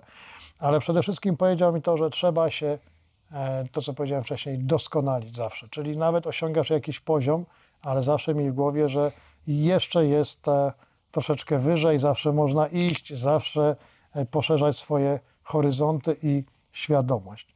Powiedział mi też z punktu widzenia takiego treningowego prostą rzecz, której wcześniej nie wiedziałem, teraz już jest pewnie znana obszernie, że żeby właśnie kopać, jeżeli mówimy kopać o kopnięciach e, kickbokserskich, że kopać bardzo dużo, powiedział, że ponad 100 chociażby na treningu na jedną nogę, ponieważ ręka, jeżeli boksuje, jest to taki odruch trochę naturalny. Natomiast noga właśnie podnoszenia wysoko albo bardzo wysoko, jeszcze technicznie, jest to odruch nienaturalny, dlatego trzeba zawsze to doskonalić i nad tym więcej pracować. I rzeczywiście tak było. Ja byłem E, Wtedy wziąłem, zacząłem mocno trenować nad nogami i to pozwoliło, że w połączeniu ręce z nogami dawały mi e, dużo większe efekty. Czyli takie proste dwie rzeczy, które pamiętam do dzisiaj, ale, ale wiem, że było więcej takich wskazówek, więcej rad, których no teraz sobie nie przypomnę, ale były niesamowite. Mhm. Okej, no dobra, no to w sporcie jakby mamy już naprawdę wysoko zawieszoną poprzeczkę w tym momencie. Zawodowe Mistrzostwo Świata, e, dużo walk, z czego większość wygranych. Pytanie, skąd się w tym wzięła służba więzienna? Z dzieciństwa pewnie, dlatego że e, do nas, u mnie pół rodziny kuzynów e, było w policji. E, my mieszkaliśmy pod Toruniem, zawsze przyjeżdżali. Jak przyjeżdżali, to albo jakieś samochody, albo, albo ciuchy, albo pistolety mieli przy sobie. Jako dzieciaka zawsze to interesowało, ale tak naprawdę inspiracją był mój wujek, który był policjantem. E, bardzo często u nas był, miał córkę, a mnie traktował chyba jako syna i dlatego często e, gdzieś tam nawet wsadzał mnie do tego poloneza, jechaliśmy, ja tylko zmieniałem sygnały, do dzisiaj to pamiętam E, I, i gdzieś tam jak nieraz pojechaliśmy do niego na jednostkę, to mnie oprowadzał, no i ja byłem tym zachwycony, no. Pokazano mi ten mundur, zresztą ja nawet jako w szkole podstawowej pamiętam, że kim chciałem zostać, no to zawsze mówiłem, że policjantem. E, I też tak planowałem i takie marzenie prawie się spełniło, ponieważ złożyłem podanie do policji w Toruniu. e, Byłem w trakcie rekrutacji, a tu poznałem mm, w Wołowie, przyjechałem do żony, aktualnej żony, tak, wtedy była jeszcze narzeczoną, gdyż pracowała e, w, w Wołowie Włoskim Ośrodku Kultury i był jakiś festyn, no i poznała mnie z dyrektorem zakładu karnego, który był wielkim fanem ogólnie sportu. Przedstawiła mnie jako już właśnie kickboksera, mnie już tutaj gazety gdzieś wcześniej opisywały, bo ja tutaj do e, narzeczonej przyjeżdżałem, a już wtedy miałem jakiś chyba Puchar Świata zdobyty, więc tutaj było takie trochę halo gazetowe i już zaczynałem być troszeczkę znany. Więc jak on mnie poznał, to pamiętam jak do dzisiaj powiedział, żebym przyszedł do niego e, do pracy. No i mówię, dobra, to będę. Mówi, I weź medale. Ja mówię, ale wszystkie? No dobra, to weź ten najlepszy. No dobra, no i wziąłem taki jeszcze, pamiętam, ładny medal. No i pojechałem do niego jak to w zakładzie. Jedna brama, druga brama, drzwi oczywiście prowadzą cię, ale e, mi to jakoś nie przeszkadzało. Pamiętam, jak do niego wszedłem. Ja, ja wziąłem taki z lekkich takich formuł, z light kontaktu, mówię, nie zna się, to mu pokażę, taki ładny, duży medal, najważniejszy, że złoty i duży. I on tak, pamiętam, bierze ten medal, tak patrzy, mówi, e, light kontakt tylko, mówię, o kurde, chyba się zna, mówię, nie przeszło. No, ale zaczęliśmy rozmawiać i on mówi, że chciałby, żebym u niego pracował, No i taka rozmowa raz, dwa, trzy, łącznie z testami. No i ja mówię, no dobrze, no to w takim razie podejmę tutaj pracę. No i E, oczywiście udało mi się wynegocjować, bo to też mu bardzo dużo zawdzięczam, że w czasie pracy mogłem trenować. E, tak jak powiedziałem, wielki pasjonat sportu. Przy zakładzie karnym była wybudowana salka z matą, z workami, siłownia, sauna. No to już w latach wtedy było, kiedy ja zaczynałem, no 2000 chyba trzeci czy czwarty rok. Czyli tak bardzo nowoczesne To było niesamowite, tak. On czasy. wtedy też wprowadził, że do pierwszej ligi chyba siatkarskiej była właśnie drużyna z funkcjonariuszy i, i to się fajnie rozrastało. No i e, zacząłem właśnie tam trenować. Miałem wygospodarowane w czasie pracy e, swój czas na trening i to spowodowało, że te efekty były po prostu później widoczne. Ale on był też pierwszym, który jak mnie zaskoczył po walce chyba o Mistrza Świata, był taki bankiet, wszyscy tam w euforii się wypowiadają, a on powiedział do mnie, że już czas zakończyć karierę, bo trzeba pomyśleć o zdrowiu, więc trochę mnie zaskoczył wtedy swoim myśleniem. Nie ukrywam, że trochę byłem e, oburzony, ale rzeczywiście z perspektywy czasu to, to się rozumie te, te, te słowa. I, I w zakładzie karnym tak, ale to zakład karny e, w Wołowie był do chyba 2011 roku, gdy zrobiłem przed euro takie, cały czas oczywiście aktywnie, on mi pozwalał na wiele rzeczy. Ja mogłem przejawiać swoje inicjatywy, mogłem robić e, wiele ciekawych rzeczy. No i było tak, że jakoś przed Euro 2012 wymyśliłem takie szkolenie dla różnych służb. Ja już byłem w służbach znanych, jeździłem, szkoliłem na różne seminaria, więc stwierdziłem, że sam zorganizuję takie coś pod na, patronatem honorowym, wtedy pamiętam dyrektora generalnego. No, poprzyjeżdżali tak po znajomości nawet funkcjonariusze Biura Ochrony Rządu, Służba Więzienna, Policja, zrobiliśmy to e, na sali. Trwało to trzy dni, ale jeden z elementów to mówimy, jak jest euro, to wymyśliłem sobie stadion. Na trybuny pójdziemy, przy basenie zrobimy. No i oczywiście szczęście takie było, szczęście, nieszczęście, nie wiem jak to nazwać. Tydzień przed moim e, szkoleniem e, kibice spalili w Bydgoszczy stadion. Więc telewizja się tym zainteresowała i przyjechali nagrywać, jak my się szkolimy przed Euro 2012 to było. No i oczywiście zrobiliśmy to na stadionie TV. E, nie wiem, czy mogę mówić tutaj stację, czy nie. Możesz mówić. TVP Info wtedy, że TVP Info tak Wtedy jeszcze info. tamtejsze TVP Info robiło transmisję e, na żywo, więc wielkie halo. E, No i po trzech dniach już dostałem powołanie do Centralnego Zarządu Służby Więziennej e, w Warszawie. O to zadbał też dyrektor, który był moim też szefem, miło go wspominam, takiego Wiktora który był pułkownikiem i, i za mnie też odpowiadał. No i byłem w biurze kadri szkolenia, byłem odpowiedzialny za e, służbę więzienną, przygotowanie służby więziennej do Euro 2012 i tak dalsza kariera, ale powodowało to, że zacząłem rozwijać e, te wszystkie swoje umiejętności. Właśnie szef, o którym mówię, e, dyrektor biura kadri szkolenia, miał do mnie takie zaufanie, że biuro miałem dalej tu, niedaleko mm, swojego miejsca zamieszkania, a pracowałem teoretycznie w Warszawie. Pamiętam, jak do dzisiaj dostałem, jak, no, do dzisiaj pamiętam, jak dostałem taką propozycję, żebym przeszedł do Warszawy. No, ja już wtedy miałem jedno, dwie córki e, i pamiętam, jak siedzieliśmy, rozmawialiśmy i powiedziałem, że no niestety, ale dla kariery takiej zawodowej nie poświęcę rodziny. Tutaj już wybudowaliśmy dom, natomiast pamiętam, jak żona powiedziała, że jeżeli trzeba, no to my wszyscy przeniesiemy się też do Warszawy.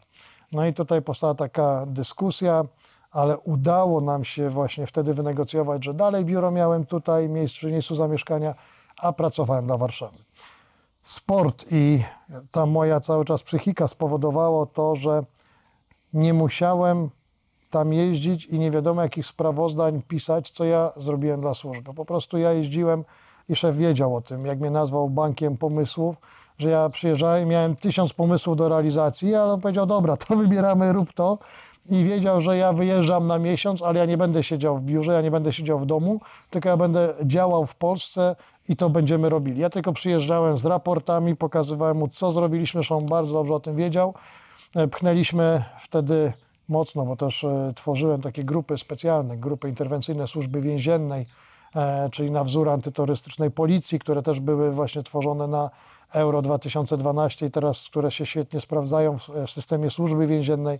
Ja miałem wtedy też e, taką odpowiedzialność, żeby je przygotować do interwencji różnych, do działań, do konwojowania. No i wymyśliłem pewne też takie szkolenia pod nazwą Tactical Prison Rescue, czyli medycyna pola walki dla grup specjalnych.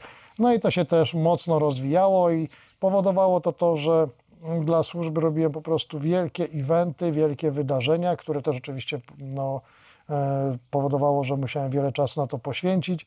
No i miałem na tyle zaufanie, że rzeczywiście to wszystko robiłem, ale wszystko, co robiłem, to robiłem tak jak w sporcie. 100% zaangażowania i to wszystko robiłem z pasją, więc sama przyjemność, ja nie odczuwałem nigdy, że, że pracowałem. W sporcie jeszcze wtedy, jak zaczynałem karierę w służbie więziennej, w zakładzie karnym, jako, wtedy zaczynałem jako wychowawca też, no to pozwalało mi to, że pieniądze, które zarobiłem, a trenowałem już niby zawodowo, pozwalało mi na to, że mogłem kupić paliwo, że mogłem opłacić trenera, że mogłem dojechać e, do sparring partnera i to też właśnie było, że dużo e, zawdzięczam temu, że pracowałem już na etacie, bo miałem na to pieniądze, żeby się rozwijać w sporcie. Chociaż nie każdy, wiem, ma taką możliwość i często jak idą na etat pracować, niestety, Kończy ale sport. kończy się kariera sportowa i to jest przykre, także ja miałem to szczęście. Po wielu latach e, w karierze tej służby więziennej wróciłem do Wrocławia etatowo. E, Tutaj znowu się opiekowałem tylko jedną grupą interwencyjną, ale po nie wiem, 2018 roku otworzyłem swój klub bokserski. E, Tutaj się realizowałem, dalej będąc funkcjonariuszem. No i oczywiście wszystko odbyło się na rzecz e, moich córek, które trenowały wcześniej inną dyscyplinę i tak e, stwierdziłem, że no, nie chciałbym mieć za bardzo z dziećmi do czynienia, bo chyba się tego nie nadaje. Ale gdy otworzyłem dla dzieci sekcję właśnie kickbokserską, no nie ukrywam, przychodzi mnóstwo dzieciaków. Mamy się tylko pytają, kiedy ja będę, bo nie zawsze mogłem być, bo powiedziały, że dzieci chcą tylko ze mną trenować, czy najlepiej czują. Ja też powoli odkrywam to rzeczywiście, to chyba taka moja misja, że poświęcam się całkowicie, chociaż początkowo to było tak naprawdę dla naszych córek, e, właśnie żeby one sobie też trenowały, a teraz poszło naprawdę to bardzo mocno i córki dorastają, a ja mam układy, układy mówię, relacje dobre i ze starszymi zawodnikami, i z młodszymi i, i to się fajnie też realizuje. Ale w, wracając do służby więziennej, oczywiście tak jak Marek Piotrowski mówił, że trzeba się cały czas doskonalić, więc podjąłem decyzję o tym, że pójdę też, e, zrobię doktorat, chociaż nigdy orłem nie byłem, ale i nieraz wspominamy, że nigdy nie miałem czerwonego paska, poza tym, co zrobiła mi mama czy pana na tyłku, tak? No, e, no i to tak, że poszedłem na Akademię Obrony Narodowej, na kierunek bezpieczeństwo, udało mi się po, skończyć tam, zrobiłem doktorat. No i to zaowoc, nie wiem, takie miałem po prostu też potrzebę. Czułem to, że, że, że mam iść, że chcę iść. Też mówię, no nie za bardzo e, gdzieś tam chyba moja głowa e, się nadawało na stopnie naukowe.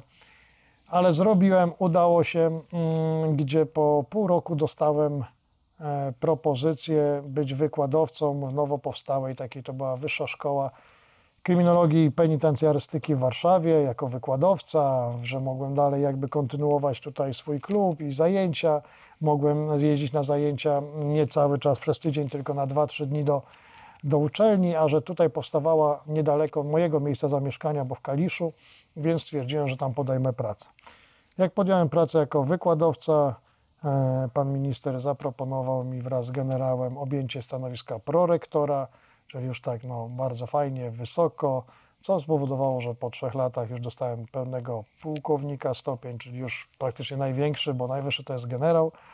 E, I nie ukrywam, realizowałem swoje kolejne e, pasje, bo byłem później prorektorem do spraw studenckich, więc odpowiadałem za wszystkie ich sprawy, więc też tam poszli studiować moi zawodnicy, więc ja o nich dbałem, dbając o wszystkich e, studentów, wiedzieli, że ze mną można wszystko załatwić, ale muszą być wobec mnie fair i ta atmosfera tam była naprawdę, naprawdę bardzo fajna. E, Do dzisiaj to miło wspominam, ale to, co rozmawialiśmy jeszcze przed e, wywiadem, że osiągasz pewne etapy w życiu, że tak jak w sporcie, i ja też mówiłem, osiągasz mistrza Polski, ale chciałbyś osiągnąć coś więcej. Osiągasz mistrza Europy, no to otwiera ci apetyt na mistrza świata. I tak tutaj będąc i realizując się, bo praca mega fajna i ze studentami, z młodzieżą i, i, i, i nie musiałem się użerać już, użerać w cudzysłowie z osadzonymi, to do pewnego etapu, mówię, osiągnąłem już praktycznie wszystko i w tym samym czasie miałem dalej klub, e, rodzina. Tutaj już musiałem jako prorektor być już trochę dłużej w pracy, bo odpowiadałem jakby nie było za uczelnię. E, no i w tym czasie też tworzyłem swoje różne obozy rekreacyjno-sportowe, początkowo klubowe, ale tak zaczęło się to wszystko rozrastać, więc stwierdziłem, że warto otworzyć swoją firmę, e, warto realizować swoje marzenia i stwierdziłem, że chyba czas już mając uprawnienia emerytalne, może to nie jest największa emerytura, ale już taka, która pozwoli mm, przeżyć, stwierdziłem, że warto wrócić tutaj jeszcze na te ostatnie, powiedzmy, lata do domu, ze względu na to, że zaraz moje dziewczynki osiągną taki wiek, że pójdą na studia i pewnie tyle będę je widział. E, I pamiętam, że jak powiedziałem szefowi, że chciałbym odejść na emeryturę, bo mówię jeszcze, ch- chcę ten ca cały czas spędzić z, z córkami, które są no, wpatrzone we mnie, a ja w nie. No powiedział, no ale one jeszcze 2-3 lata i wyfruną z domu. Ja mówię, no i właśnie tych dwóch, trzech lat nie chcę zaprzepaścić. Chcę być z nimi, chcę być jak najwięcej, chcę się poświęcić całkowicie im. I rzeczywiście podjąłem decyzję o odejściu na emeryturę. Więc po 20 latach praktycznie służby e, i, i w grupach specjalnych, i później w szkoleniach różnych, i na stanowisku też e, prorektora, podjąłem decyzję, że odchodzę na emeryturę, e, będąc właśnie z córkami, rozwijając swoją firmę. Firmę, która nazywa się Kowtun Camp and Training. E, Robimy obozy ogólnosportowe, takie dla dzieci, dla młodzieży. E, No i córki mi w tym bardzo pomagają, są w tym zaangażowane, są też uczestnikami, ale zawsze są takim okiem krytycznym patrzą i to jest ten mój taki feedback, który pozwala mi na ulepszanie pewnych elementów. No oczywiście wszystko, co by nie było, robimy rodzinnie i jakby nie było, czy mam jakieś wątpliwości, czy chciałbym się czegoś doradzić, to nikt lepiej nie doradzi przykładowo jak właśnie córki czy żona, z którą siadamy, którą mamy czas i ewentualnie rozmawiamy o pewnych elementach wdrażania. E, rozwój osobisty, który nie ukrywam, wszedłem od dwóch lat, może trzech. E, niestety w służbach ani w. I to mówię już teraz oficjalnie, bo mogę. E, w służbach czy na etacie niestety nie jest mile widziany, ponieważ jako funkcjonariusz masz wykonywać polecenia, a nie mieć swojego myślenia. Ja też sam wiem o tym, że dla mnie wygodniejszy był funkcjonariusz, który wykonywał polecenia, a nie próbował porobić po swojemu, czy ze mną e, pewne elementy Dyskutować. dyskutować, jeszcze. Nie? Więc e, to i pamiętam, jak miałem z Fryderykiem e, Karzełkiem wywiad kiedyś i powiedziałem, przyznaję się oficjalnie, że w czasie wolnym medytuję. I pamiętam, jak następny dzień przychodzi do mnie pewien mój pracownik skryty i mówi, szefie, gratuluję. Ja a czego? No, że się szef przyznał. Ja mówię, do czego? No, że szef medytuje. No, przecież u nas to jest temat tabu. No i wtedy tak mi dało też do myślenia, rzeczywiście e, nie osiągnę już większego pułapu, jeżeli zostanę tu, a ja mam no, nie, niesamowitą chęć mm, rozwoju większego i to, to nie tylko może przez ten rozwój osobisty, ale to, co sport we mnie zahartował, że jeżeli już osiągnąłem jakiś jeden etap, to mogę osiągnąć i, i drugi, i wyższy. I tak jak w sporcie było, że nie przekraczano pewnej bariery i nie było szans, żeby ktoś ją przekroczył dopiero dopóki ktoś jej rzeczywiście nie przekroczył. Jak ją przekroczył jeden zawodnik, okazuje się, że w ciągu roku byli już następni. I, Okazało, i tak w życiu bywa, że jeżeli przecież mówimy tu o finansach, że jeżeli osiągniesz pierwszy milion, to uwierz mi, że drugi, trzeci i czwarty jest tym bardziej do osiągnięcia, więc e, ja to mówię, mam w, gdzieś czy w podświadomości, czy wypracowane właśnie ze sportu, że jeżeli zostałeś mistrzem Polski, możesz zostać nim drugi raz, Albo zostać mistrzem świata. albo jeszcze wyżej. Okej. E, Jakby sama działalność biznesowa, którą teraz prowadzisz, skupia się wokół sportu, wokół promowania dalej e, też tematyki związanej czy ze sportami walki, czy ogólnie ze sportem, z e, trochę też survivalem takim e, pomieszanym. E, Rozumiem, że to wynika z Twoich doświadczeń, nie? Czyli znowu jakby zebrałeś sobie pewną kubkę doświadczeń na poziomie i sportu osiągnąłeś bardzo wiele i później zawodowo osiągnąłeś bardzo wiele, chcesz się tym dzielić dalej. E, Stąd pomysł właśnie na kampy, na kempy, na obozy, na tego typu rzeczy.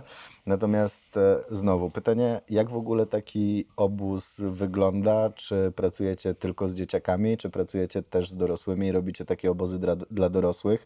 Czy na przykład macie jakiś odłam, który w sensie odłam biznesu, gdzie organizujecie tego typu na przykład wyjazdy dla przedsiębiorców albo osób, które chcą w jakiś sposób popracować nad sobą, nad swoim charakterem, nad swoją samodyscypliną, nad swoimi w ogóle możliwościami fizycznymi również, no bo często to, w jakim jesteśmy stanie fizycznym, wpływa na to, w jakim jesteśmy stanie mentalnym, czy potrafimy osiągać pewne rzeczy, czy niekoniecznie. E, często przełamując pewne bariery fizyczne, tak naprawdę przełamujemy bariery mentalne. Jak w tym momencie organizujecie sobie ten biznes? Bo też e, wspomniałeś o tym, że dużo czasu spędzasz z rodziną, więc zakładam, że ten biznes jest też właśnie mocno rodzinny i poza tym, że siadacie i rozmawiacie o nim, to też e, i poza tym, że córki w nim uczestniczą, to też e, żona jest pewnie obecna, no i pewnie wspólnie to jakoś rozwijacie. I teraz jak się nie kłócić w ogóle, no bo znowu clue często tych rodzinnych biznesów, wiesz, to mówią, że z rodziną podobno się najlepiej wychodzi na zdjęciach, twój przykład pokazuje, że niekoniecznie. Więc pytanie, jak doprowadzić w ogóle do tego, żeby faktycznie stworzyć takie wspierające się wzajemnie środowisko e, i wspólnie właśnie w rodzinie osiągać pewne rezultaty. No, Tajemnicą przede wszystkim, jest, którą teraz oficjalnie powiem, i może to nie jest tajemnica, ale to przede wszystkim rozmowy. Rozmowy na każdy temat, nie tylko o jednej rzeczy, o drugiej, o biznesie czy o czymś jeszcze innym, ale po prostu rozmawiać, e, by- przebywać ze sobą, bo też można przebywać ze sobą, ale ze sobą nie rozmawiać. To jest też e, taka możliwość. A można to jest rozmawiać i przede wszystkim- słuchać. No też właśnie, o. E, U nas to przede wszystkim celebrujemy sobotę i niedzielę, bo wtedy właśnie mamy taki, no zresztą staramy się codziennie to robić, jeżeli mamy czas, ale sobota i niedziela to jest taki już rytuał, że siadamy do śniadania zawsze razem, wszyscy razem, do obiadu zawsze razem, do kolacji też razem, ale rozmawiamy, zawsze rozmawiamy. E, Córki zawsze wdrażamy do tematów. Często się mówi tak, że o, bo ty jeszcze jesteś za mała i tak nie zrozumiesz, a my staramy się już od dziecka im tłumaczyć o pewnych zasadach biznesowych, o pewnych rzeczach, jakie my mamy przemyślenia. E, One starają się nam też podpowiadać ze swojego punktu widzenia. No i u nas staramy się jak najwięcej rozmawiać, nie mieć ze sobą żadnych tajemnic, bo e, gdy zaprzepaścimy jedną informację, drugą, trzecią, później się biorą jakieś pewnie niedomówienia, nieporozumienia. Wszystkie pomysły, jakie mamy, też analizujemy wspólnie.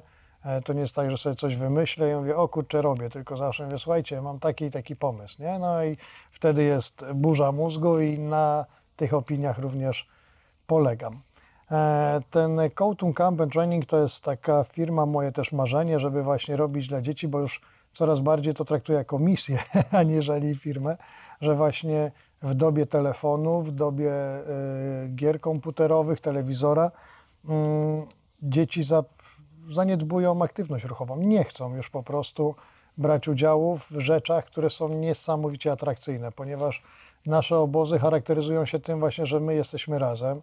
E, Ja jestem tym głównym organizatorem, e, żona jest kierownikiem obozu, dziewczynki są uczestnikami, a często też już e, pewne elementy prowadzą.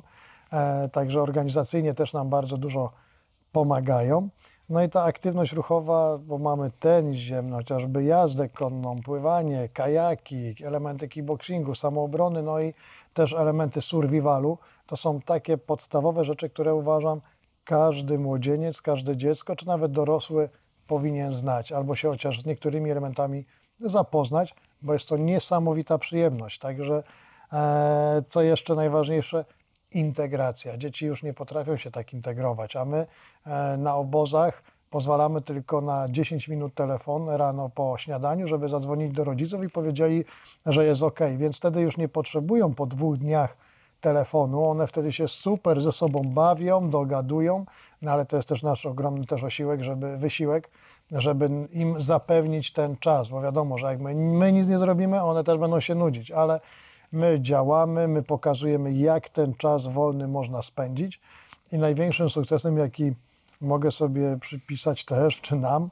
to było tak, że jak koleżanka próbowała dać syna na obóz i powiedziała, słuchaj, on nigdy w życiu nic nie robił. Mówi, ja go na spacer nie mogę wyciągnąć. No i po obozie przychodzi i mówi, słuchaj, chciałem ci podziękować, bo mówi, przyjechał z obozu i przychodzi do mnie i mówi, mama, chodź w końcu na spacer, ile można cię wyciągać. Więc ta aktywność ruchowa była. E, No i często jest, bywa też tak, że rodzice wpajają pewne rzeczy swoim dzieciom. E, Jak na przykład ta sama mówi, że on w życiu nie będzie tańczył, on się nie nadaje, a ja później biorę telefon, nagrywam i mamie pokazuję po pierwszej dyskotece, jak jej syn daje czadu. I, i, I te dzieci tak naprawdę są całkiem inne, gdy nie mają telefonów, gdy nie mają gier. Po prostu mają zajęcie i są niesamowicie fajne I mają kontakt ze sobą. mają kontakt ze sobą, czego już coraz bardziej nam brakuje. Dla dorosłych mamy taka nasza misja kolejna, ze względu na to, że jesteśmy rodziną i, i się wspieramy e, i szanujemy i kochamy, no to jest ten Kołtun Family Camp, którą robimy już drugi rok. E, W Polsce e, jest to tak, że przyjeżdżają rodziny, mogą być dziadki z wnukami, rodzice z dziećmi, a można nawet i przyjechać e, z, nie wiem, z koleżanką, z kolegą, żeby się czegoś nauczyć, bo poza tym, że spędzają czas razem, też mamy takie apartamenty specjalnie właśnie zarezerwowane, żeby spędzali razem ten czas e, w tym, tym apartamencie, to jest trochę taka aktywność ruchowa, chociażby kajaki, tak, spływ kajakowy, żeby ten ojciec pokazał swojemu synowi czy córce, jakim jest ojcem zaradnym, żeby był w jej oczach wzbudził większe takie zaufanie, autorytet, że na przykład idziemy na kajaki, oni robią razem, jedziemy na survival, rozkładają namioty, na początku jak to wszędzie bywa się kłócą, ale za chwilę są z siebie dumni, że im się udało, że muszą przygotować posiłek, że to, ale te więzi są niesamowicie ważne podczas tego naszego obozu. Te, te zajęcia wzmacniają więzi. To jest nawet, jak byłem w Norwegii, pamiętam wtedy szkolić służbę więzienną norweską i był taki domek e, i się pytaliśmy, co to za domek, no to mówili też wtedy o tym, że jeżeli tutaj odbywa karę e, osadzony, to na weekend, jeżeli będzie grzeczny, przyjeżdża jego rodzina i przez weekend oni cały czas sobie sami funkcjonują. Nie? Ja mówię, a jak z jedzeniem, jak z tym? Mówi, dostają tylko produkty po to, żeby oni wspólnie je robili, żeby wspólnie ro- mieli jakieś gry, żeby oni ten wspólnie czas zagospodarowali. I mm, myślę, że to nie jest żadna tajemnica, że czym więcej robimy wspólnie rzeczy, tym bardziej się do siebie przywiązujemy i nasze relacje wzmacniają. Więc takim naszym celem jest właśnie Kołtun Family Camp. W tym roku mamy w Borach Tucholskich od 15 do 21 sierpnia. Super warunki, bo jest i jazda konna i prywatna plaża, ale też prowadzimy tam warsztaty z żoną, takie też rozwojowe. E, co my tam jeszcze mamy? Tak jak powiedziałem, spływ kajakowym, paintball, jazdę konną.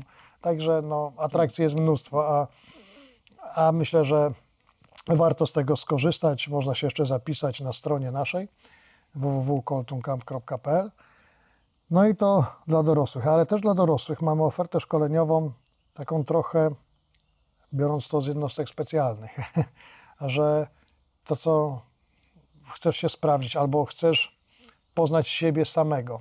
Przyjeżdżasz takie szkolenie i uwierz mi, że przez te 5 czy 6 dni pod naszą no, instruktorów też ręką zaczynasz poznawać siebie samego z innej strony, takiego, którego się nie znałeś, bo żyłeś przykładowo w dostatku, w luksusach i nagle się okazuje, że my cię bierzemy do lasu, uczymy pewnych rzeczy, ale jesteś też e, zależny sam od siebie. E, zaczynają się pewne problemy, zaczynają się pewne trudności, trochę z Was wzbudzamy instynkt e, taki pierwotny, oczywiście pod całym nadzorem też i psychologów, i instruktorów. I powiem Wam, że po takim szkoleniu wracasz do siebie i mówisz sobie, jak ja mogłem się takim czymś przejmować. Przejmować. Zaczynasz inaczej funkcjonować, zaczynasz dostrzegać wiele rzeczy, których nie widziałeś wcześniej, a są niesamowicie wartościowe. Jak zaczynasz być otwarty na, na w ogóle przyrodę, na otoczenie, na ludzi i mówisz, ja cię kręcę. Jaki ja byłem butem albo gburem, albo jakim byłem egoistą. I dopiero, tak jak mówię, zaczynasz doceniać życie po takim naszym szkoleniu. Mało tego, zaczynasz też być wdzięczny pewnie za to, co masz, nie? bo to Dokładnie też jest tak. częsty problem, z którym się spotykamy, że wydaje nam się, że to, co jest, jest dane na stałe. Że skoro już pewien statut osiągnęliśmy, to raczej nic się nie wydarzy, co spowoduje, że będzie gorzej. Nie? Ja mam generalnie taką. Bardzo nie lubiłem długo słowa sukces. Dopóki nie zacząłem tłumaczyć sam sobie tego, że sukces, póki żyjemy, nie jest stanem permanentnym. To jest tak, że ja dzisiaj mogę mieć sukces, jutro mogę być na To samym jest to, dnie. co nam mówili nauczeni. Co to jest bezpieczeństwo, nie? No, czy to jest stan? Dokładnie, dokładnie tak. To I nie- cały czas musisz o to dbać. Tak długo jak żyję, tak długo to nie jest stan permanentny. Jak umrę i zostawię po sobie coś, to wtedy ktoś będzie mógł kiedyś powiedzieć, że odniosłem albo nie odniosłem sukcesu. Ale póki żyjemy, sukces to jest tak naprawdę stan chwilowy, tymczasowy i zawsze może się wydarzyć coś, co spowoduje, że ten sukces nam po prostu ucieknie. Będziemy go musieli albo od nowa wykuwać, albo zmieniać branżę, albo w ogóle zmieniać swoje podejście, światopogląd, podejście do życia e, z różnych względów. Jest bardzo wiele takich historii osób, które na przykład przez większą część życia były uważane za ludzi sukcesu, umierali jako bankruci, ewentualnie w drugą stronę. Ludzi, którzy przez całe życie byli postrzegani dziwnie, a teraz po śmierci szczególnie malarze na przykład, nie, którzy gdzieś tam umierali w biedzie, a dzisiaj po śmierci ich obrazy chodzą za setki milionów dolarów czy, czy euro. I stąd, i, i ja sobie wtedy też to przedefiniowałem w głowie. Sukces jest tu i teraz, ale kompetencje, umiejętności zostają zawsze. I jeżeli coś raz zrobiliśmy, to jest dużo większe prawdopodobieństwo, że to powtórzymy, niż jeżeli nigdy czegoś nie zrobiliśmy i robimy to pierwszy raz.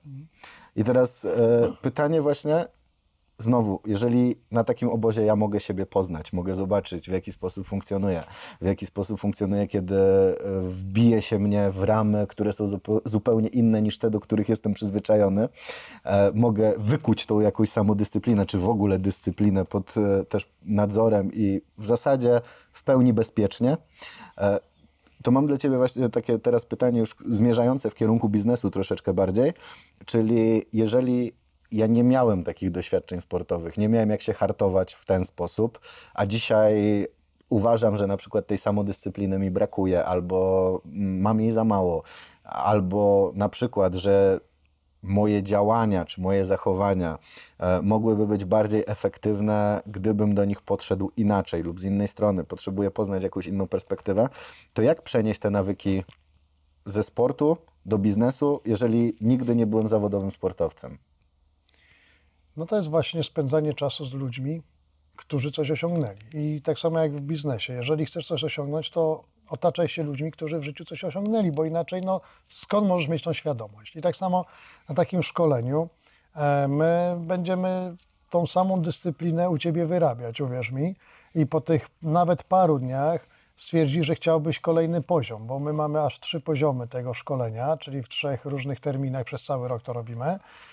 I najpierw Was przygotowujemy, a później od Was wymagamy. I powiem Ci, że e, jesteśmy w stanie Ci na dzień dzisiejszy pokazać pewne ramy, uświadomić, bo co jest najważniejsze, uświadamianie, czyli z czymś, co się już teraz spotkasz i dopiero musisz powiedzieć, a teraz wiem o co chodzi. Jeżeli my ci to, my ci to będziemy przekształcać, będziemy ci to pokazywać i gdy wrócisz do siebie, tak jak powiedziałem, będziesz umiał już przełożyć to w jaki sposób. Oczywiście to trzeba utrwalać. To nie jest tak, jeżeli nie robiłeś tego przez wiele lat, to fajnie do tego wrócić czasami, ale wystarczy, że jeden nawyk sobie wprowadzisz, który my ci pokażemy, czy o którym ci powiemy, który uznasz, że jest najlepszy, to już zobaczysz postępy i efekty tego w życiu codziennym. Tak? Przykładowo chociażby ranne stawanie, co jest najtrudniejsze chyba dla wszystkich albo dla większości. No, jeżeli sobie, no, Fryderyk najlepszy przykład, tak? 5.55 i nie ma, że boli. No i to jest właśnie ta samodyscyplina, ale to, co my na szkoleniach robimy, my Ci pokazujemy, tak? Pewne nawyki, które w Tobie wyrobimy albo Ci pokażemy, bo może za krótko, żeby wyrobić, tak? Przez te parę dni, ale myślę, że będziesz w takiej sytuacji, że znajdziesz jakiś sobie nawyk, żeby funkcjonować dużo, dużo lepiej. Okej, czyli po prostu konstrukcja wtedy całego tego szkolenia, całego tego obozu jest w taki sposób zbudowana, żebym ja zobaczył, że mogę pewne rzeczy zrobić, nawet jeżeli wydaje mi się, że nie. Dokładnie.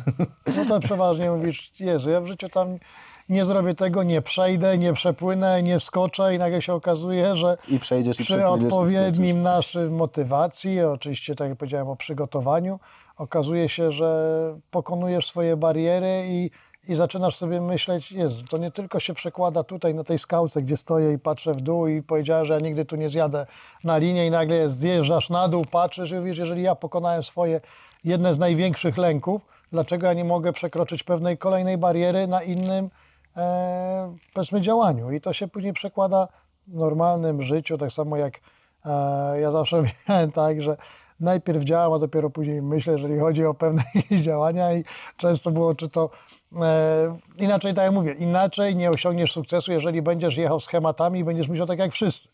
Ja jeżeli coś, miałem coś czułem w, w sercu, mówię, dobra, robię i często było szefie, ale tutaj taki, taki, nie wiem, czy się da. Ja mówię, no to teraz musimy myśleć, to już powstanie, to już jest mój pomysł, to już robimy, Tylko a jak? teraz znajdźcie, jak to wszystko obejść, żeby było jak najlepiej. Inaczej bym tego nie osiągnął. No i tak samo jak e, też wiesz, że mamy apartamenty we Włoszech, ponieważ e, pieniądze, które gdzieś tam zawsze zarobiłem, e, starałem się właśnie w coś inwestować, bo to jest taki jednak nawyk sportowca. Jeżeli mam jakieś pieniądze, rzeczywiście mogłem przez te 5-10 minut mieć swoje i żyć high life i, i cieszyć się wszystkim, ale to jest to, co tak jak mówię w sporcie, że e, osiągasz pewien etap, ale już planujesz sobie kolejne. I tak samo tutaj jest z tą dyscypliną też finansową, że jeżeli miałem e, jakąś część, e,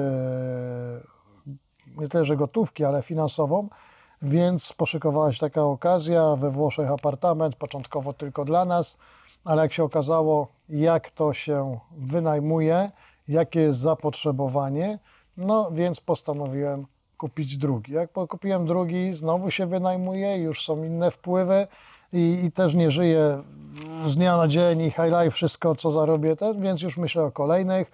E, Teraz otworzyłem kolejną działalność, czyli już taki mm, jestem pośrednikiem właśnie w zakupie mieszkań w Wieste, tam gdzie mam swoje apartamenty.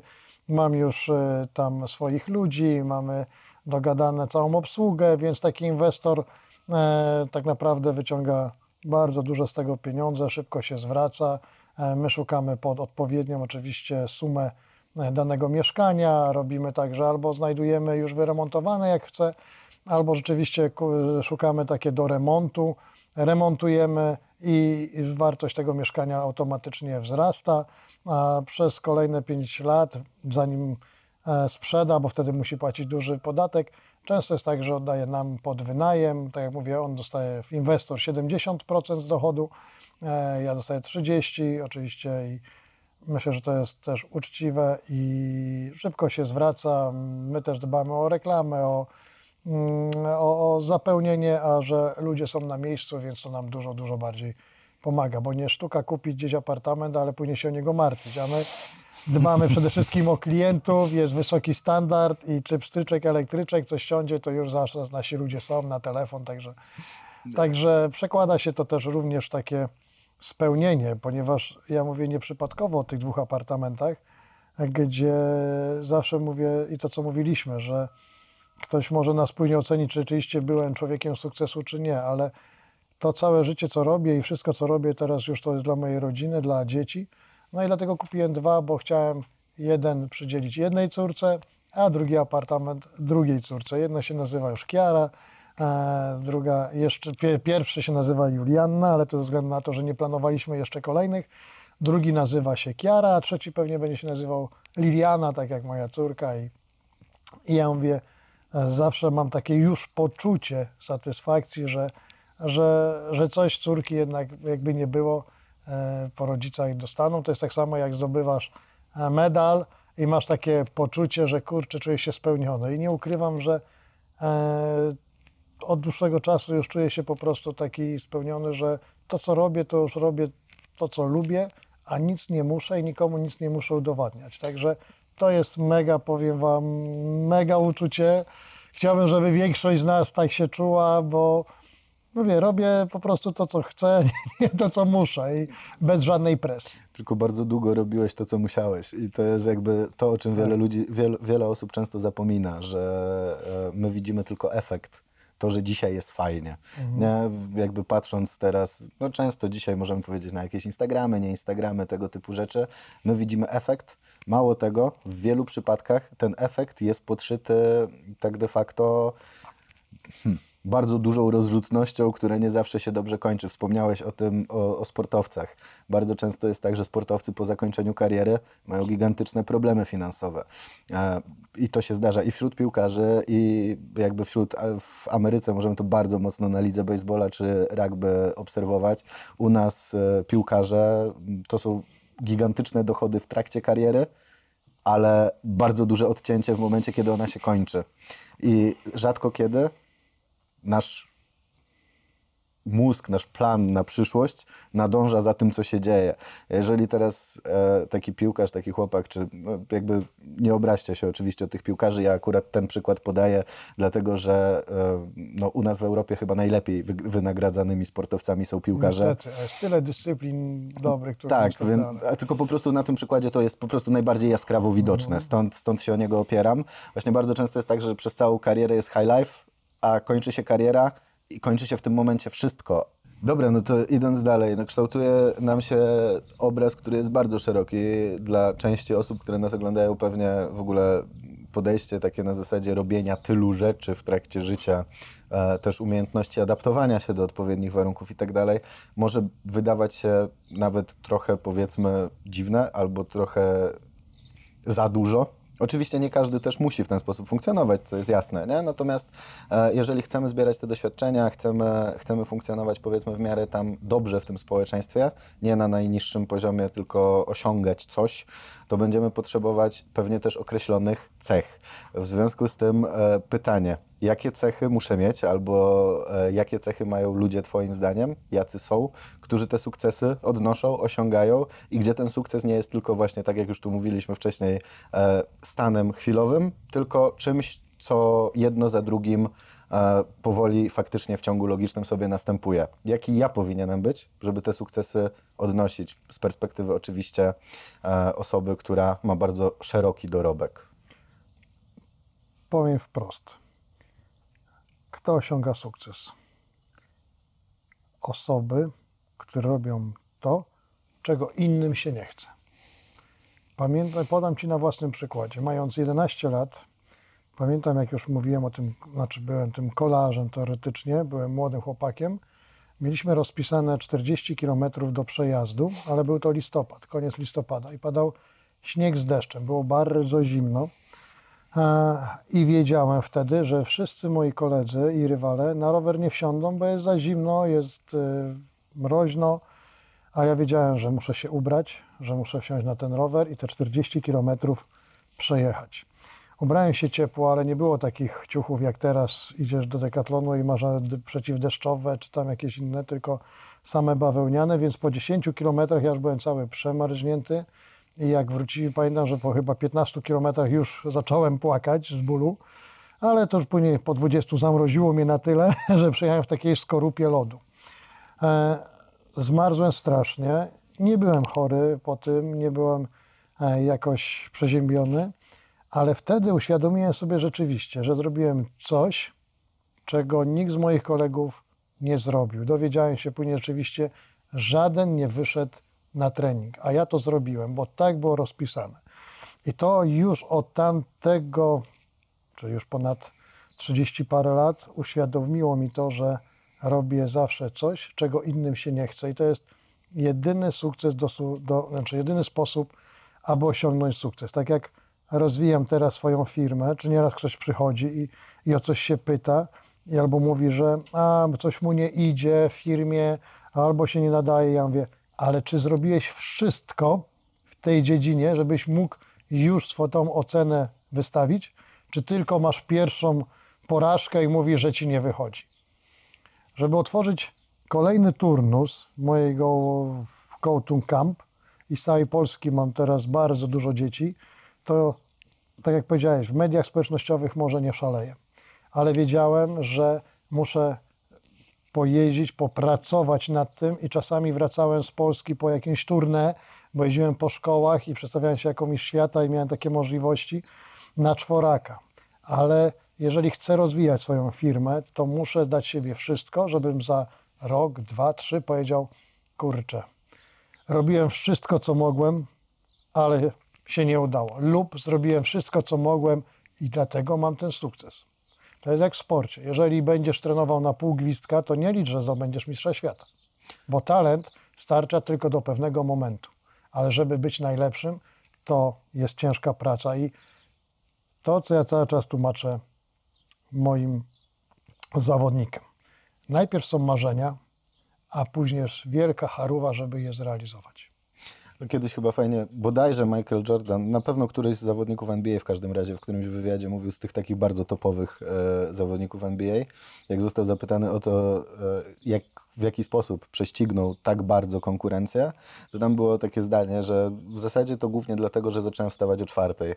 I padło pytanie od prowadzącego, no dobra, ale dlaczego akurat, dla, jakby, dlaczego to wymieniasz jako powód? No mówi, no bardzo prosto. Od 5 do 7 pierwszy trening, od 9 do 11 drugi trening, od 13 do 15 trzeci trening, od 17 do 19 czwarty trening, e, gdzie e, moi koledzy w tym czasie robili dwa.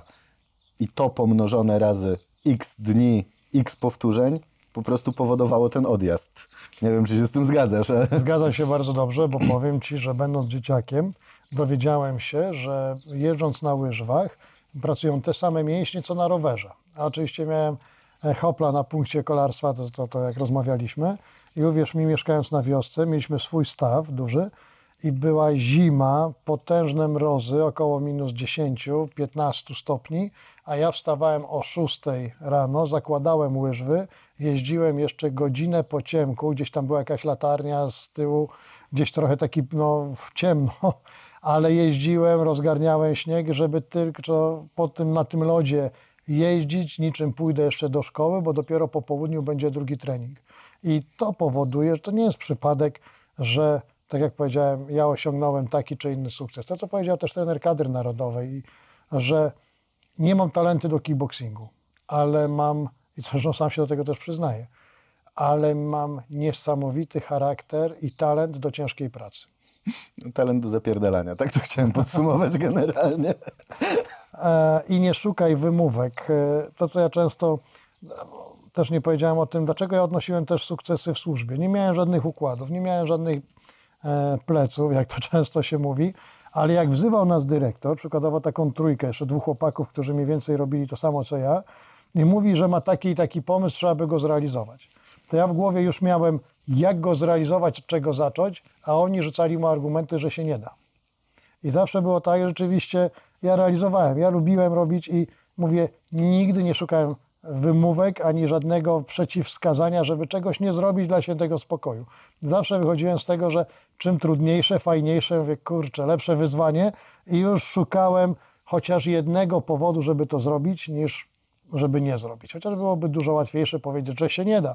I nie ukrywam, w służbach czy w budżetówce najczęstszym hasłem, jakie na mnie działało jako szefa, było szefie, nie da się. I już więcej nic nie musiał mówić. Odpał, od razu odpał.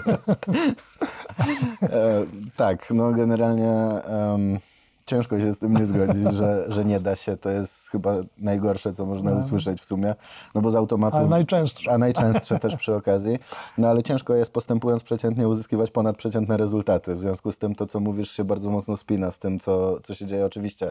I możemy tutaj sobie wchodzić już w jakieś tam dyskusje, czy układy, czy plecy, czy cokolwiek takiego, ale racja, czy też fakty są takie, że mm, okej, posiadanie, czy tam urodzenie się w jakiejś określonej rodzinie, no to może być pewna przewaga, ale tą przewagę można wykorzystać albo ją zaprzepaścić. I bardzo często te przewagi są zaprzepaszczane, a nie wykorzystywane.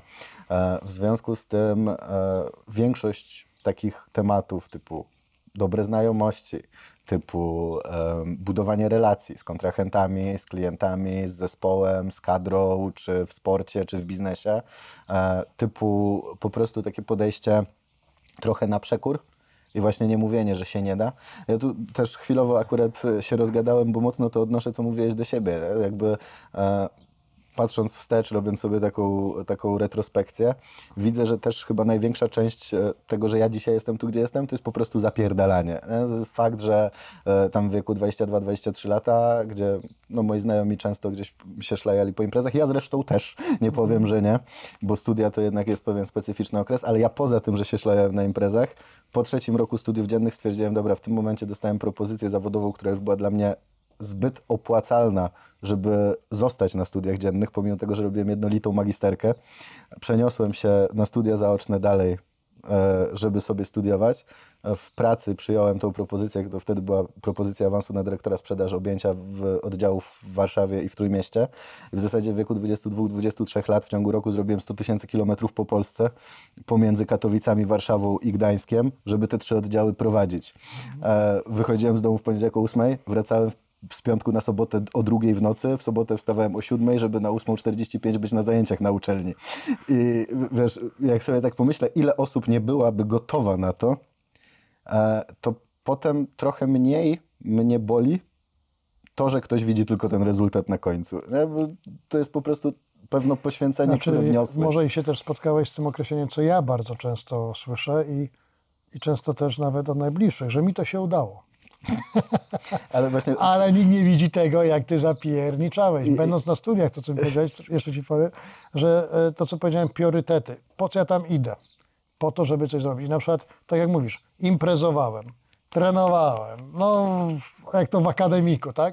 Ale zrobiłem cztery instruktorki chyba, tak? Masażu, ćwiczeń siłowych, boksu, coś. Czyli o, o, jako trzeci chyba na roku się obroniłem. Także to było wszystko, mówię, idę po coś. Oczywiście poboczne cele, które mogę realizować i fajnie się przy tym bawić, ale trzymam się stuprocentowego celu wyznaczonego. Jeżeli ja nagle zacznę zmieniać priorytety w połowie drogi, to ja w życiu nigdy nic nie osiągnę. I no, tak- nigdzie nie dojdę. Nie? Bo No, dokładnie. Burzę plan, zanim w ogóle zacznę go realizować. No i, i to, co sport charakteryzuje, że nawet w firmie masz jakąś porażkę, coś nie idzie, no nie- nieraz masz takie dni, że chętnie byś rzucił jak to w życiu, tak?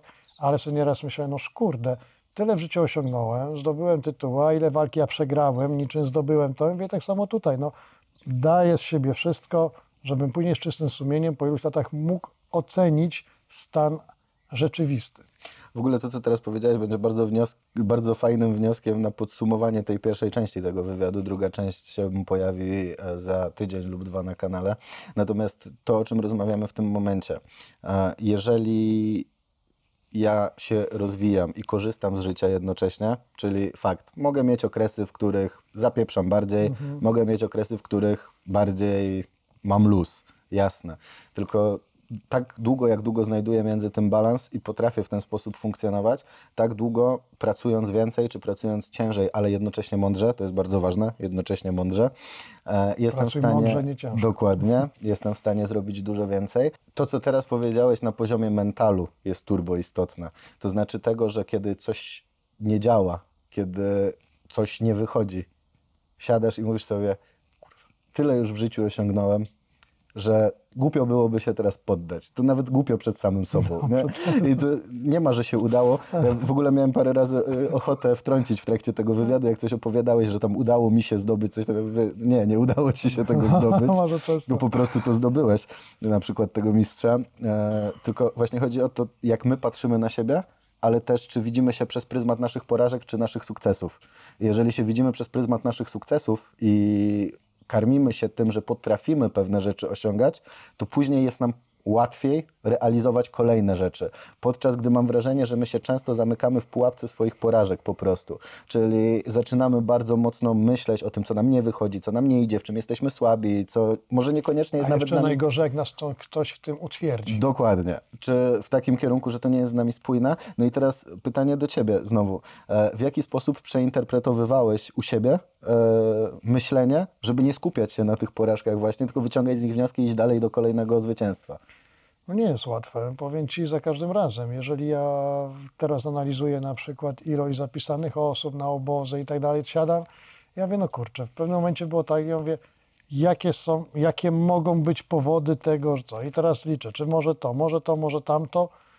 No nie wiem, analizuję dalej, tak, ale widzę rzeczywiście, wszystko wzrasta, ilość osób się zapisuje, coś jest, no mówię, o, nie jest źle, ale już były takie okresy, że mówię, dobrze, to w takim razie rezygnujemy może z tego turnusu, może rezygnujemy z tego obozu, może rezygnujemy z tego, nie wiem, szkolenia, ale to tak samo jak, jak w sporcie, przegrałem walkę, ja mówię, dlaczego ja przegrałem? I teraz analiza, tak, czy popełniłem taki błąd, taki, taki, czy, czy może nie, no i, i to, co teraz też powiem, to e, chcę już robić tak, jak, e, że każdą porażkę, co mi, też się tak zastanawiam, bo chcę to jakoś połączyć fajnie, ale każdą porażkę i też Wam to polecam analizować, żeby wyciągnąć z niej wnioski i przekuć na sukces. Tak jak wróciłem z Tajlandii kiedyś i byłem w mega dobrej formie, dostałem propozycję walki w Warszawie. E, zawalczyłem z gościem i okazuje się, że no moim zdaniem wygrałem 100 do 0, przegrywam 2 do 1. E, Nie mogłem się z tą decyzją pogodzić, analizowałem tysiąc razy, wtedy już mieliśmy zapis, czyli kamerę, oglądaliśmy to, nikt nie wierzy, ale okazuje się, że sędzia ringowy z Warszawy, zawodnik z Warszawy, sędziowie poboczni z Warszawy, więc nie miałem możliwości wygrania na punkty. Taka była sytuacja. I nie ukrywam, mimo wszystko, że byłem twardym zawodnikiem, pięć dni leżałem, w, teraz mogę to powiedzieć, w, może w załamaniu. Może nie w depresji, ale w załamaniu i leżałem w łóżku i do dzisiaj pamiętam tą, tą plamę na suficie, w którą byłem wpatrzony, ale pięć dni leżałem nie więcej, bo szósty dzień wyjeżdżałem na Puchar Świata na Węgry. I wtedy wstałem sobie powiedziałem, nigdy więcej nie dam siebie oszukać. Siebie, muszę się szanować. Pojechałem na zawody na Pucharze Świata, pięć walk, wygrałem wszystkie przed czasem. Dostałem tytuł e, króla nokautu, jakieś tam euro i to powodowało, że mówię, czasami taki przykład, który miałem, powoduje, że analizuję, ale, ale się nie poddaję, nie ma szans. To już bardzo fajnie pokazuje, że nie zawsze efekt zależy od ciebie. E, I nawet jeżeli ty zrobisz absolutnie wszystko, co możesz zrobić, Tak. żeby do tego efektu doprowadzić, to jest jeszcze masa okoliczności zewnętrznych, które mogą się po prostu ułożyć bardzo różnie. No ale to tak jak prowadzisz jakąś firmę czy przedsięwzięcie, zrobisz wszystko i dasz siebie to, co powiedziałem, 120%, ale nie idzie, bo nie idzie to, bo nie to i nie przeskoczysz pewnych rzeczy, ale wtedy do końca życia będziesz miał czyste sumienie wobec siebie, wobec szacunku wobec siebie, że zrobiłem wszystko, ale no pewnych rzeczy nie przeskoczę, tak? I tym optymistycznym akcentem zakończmy tą dzisiejszą część e, naszej rozmowy, a Was zapraszam za tydzień na kolejne, na drugą część tego wywiadu, gdzie porozmawiamy już zarówno z Leszkiem, jak i z Julianną. Tak jest. Do zobaczenia. Do zobaczenia.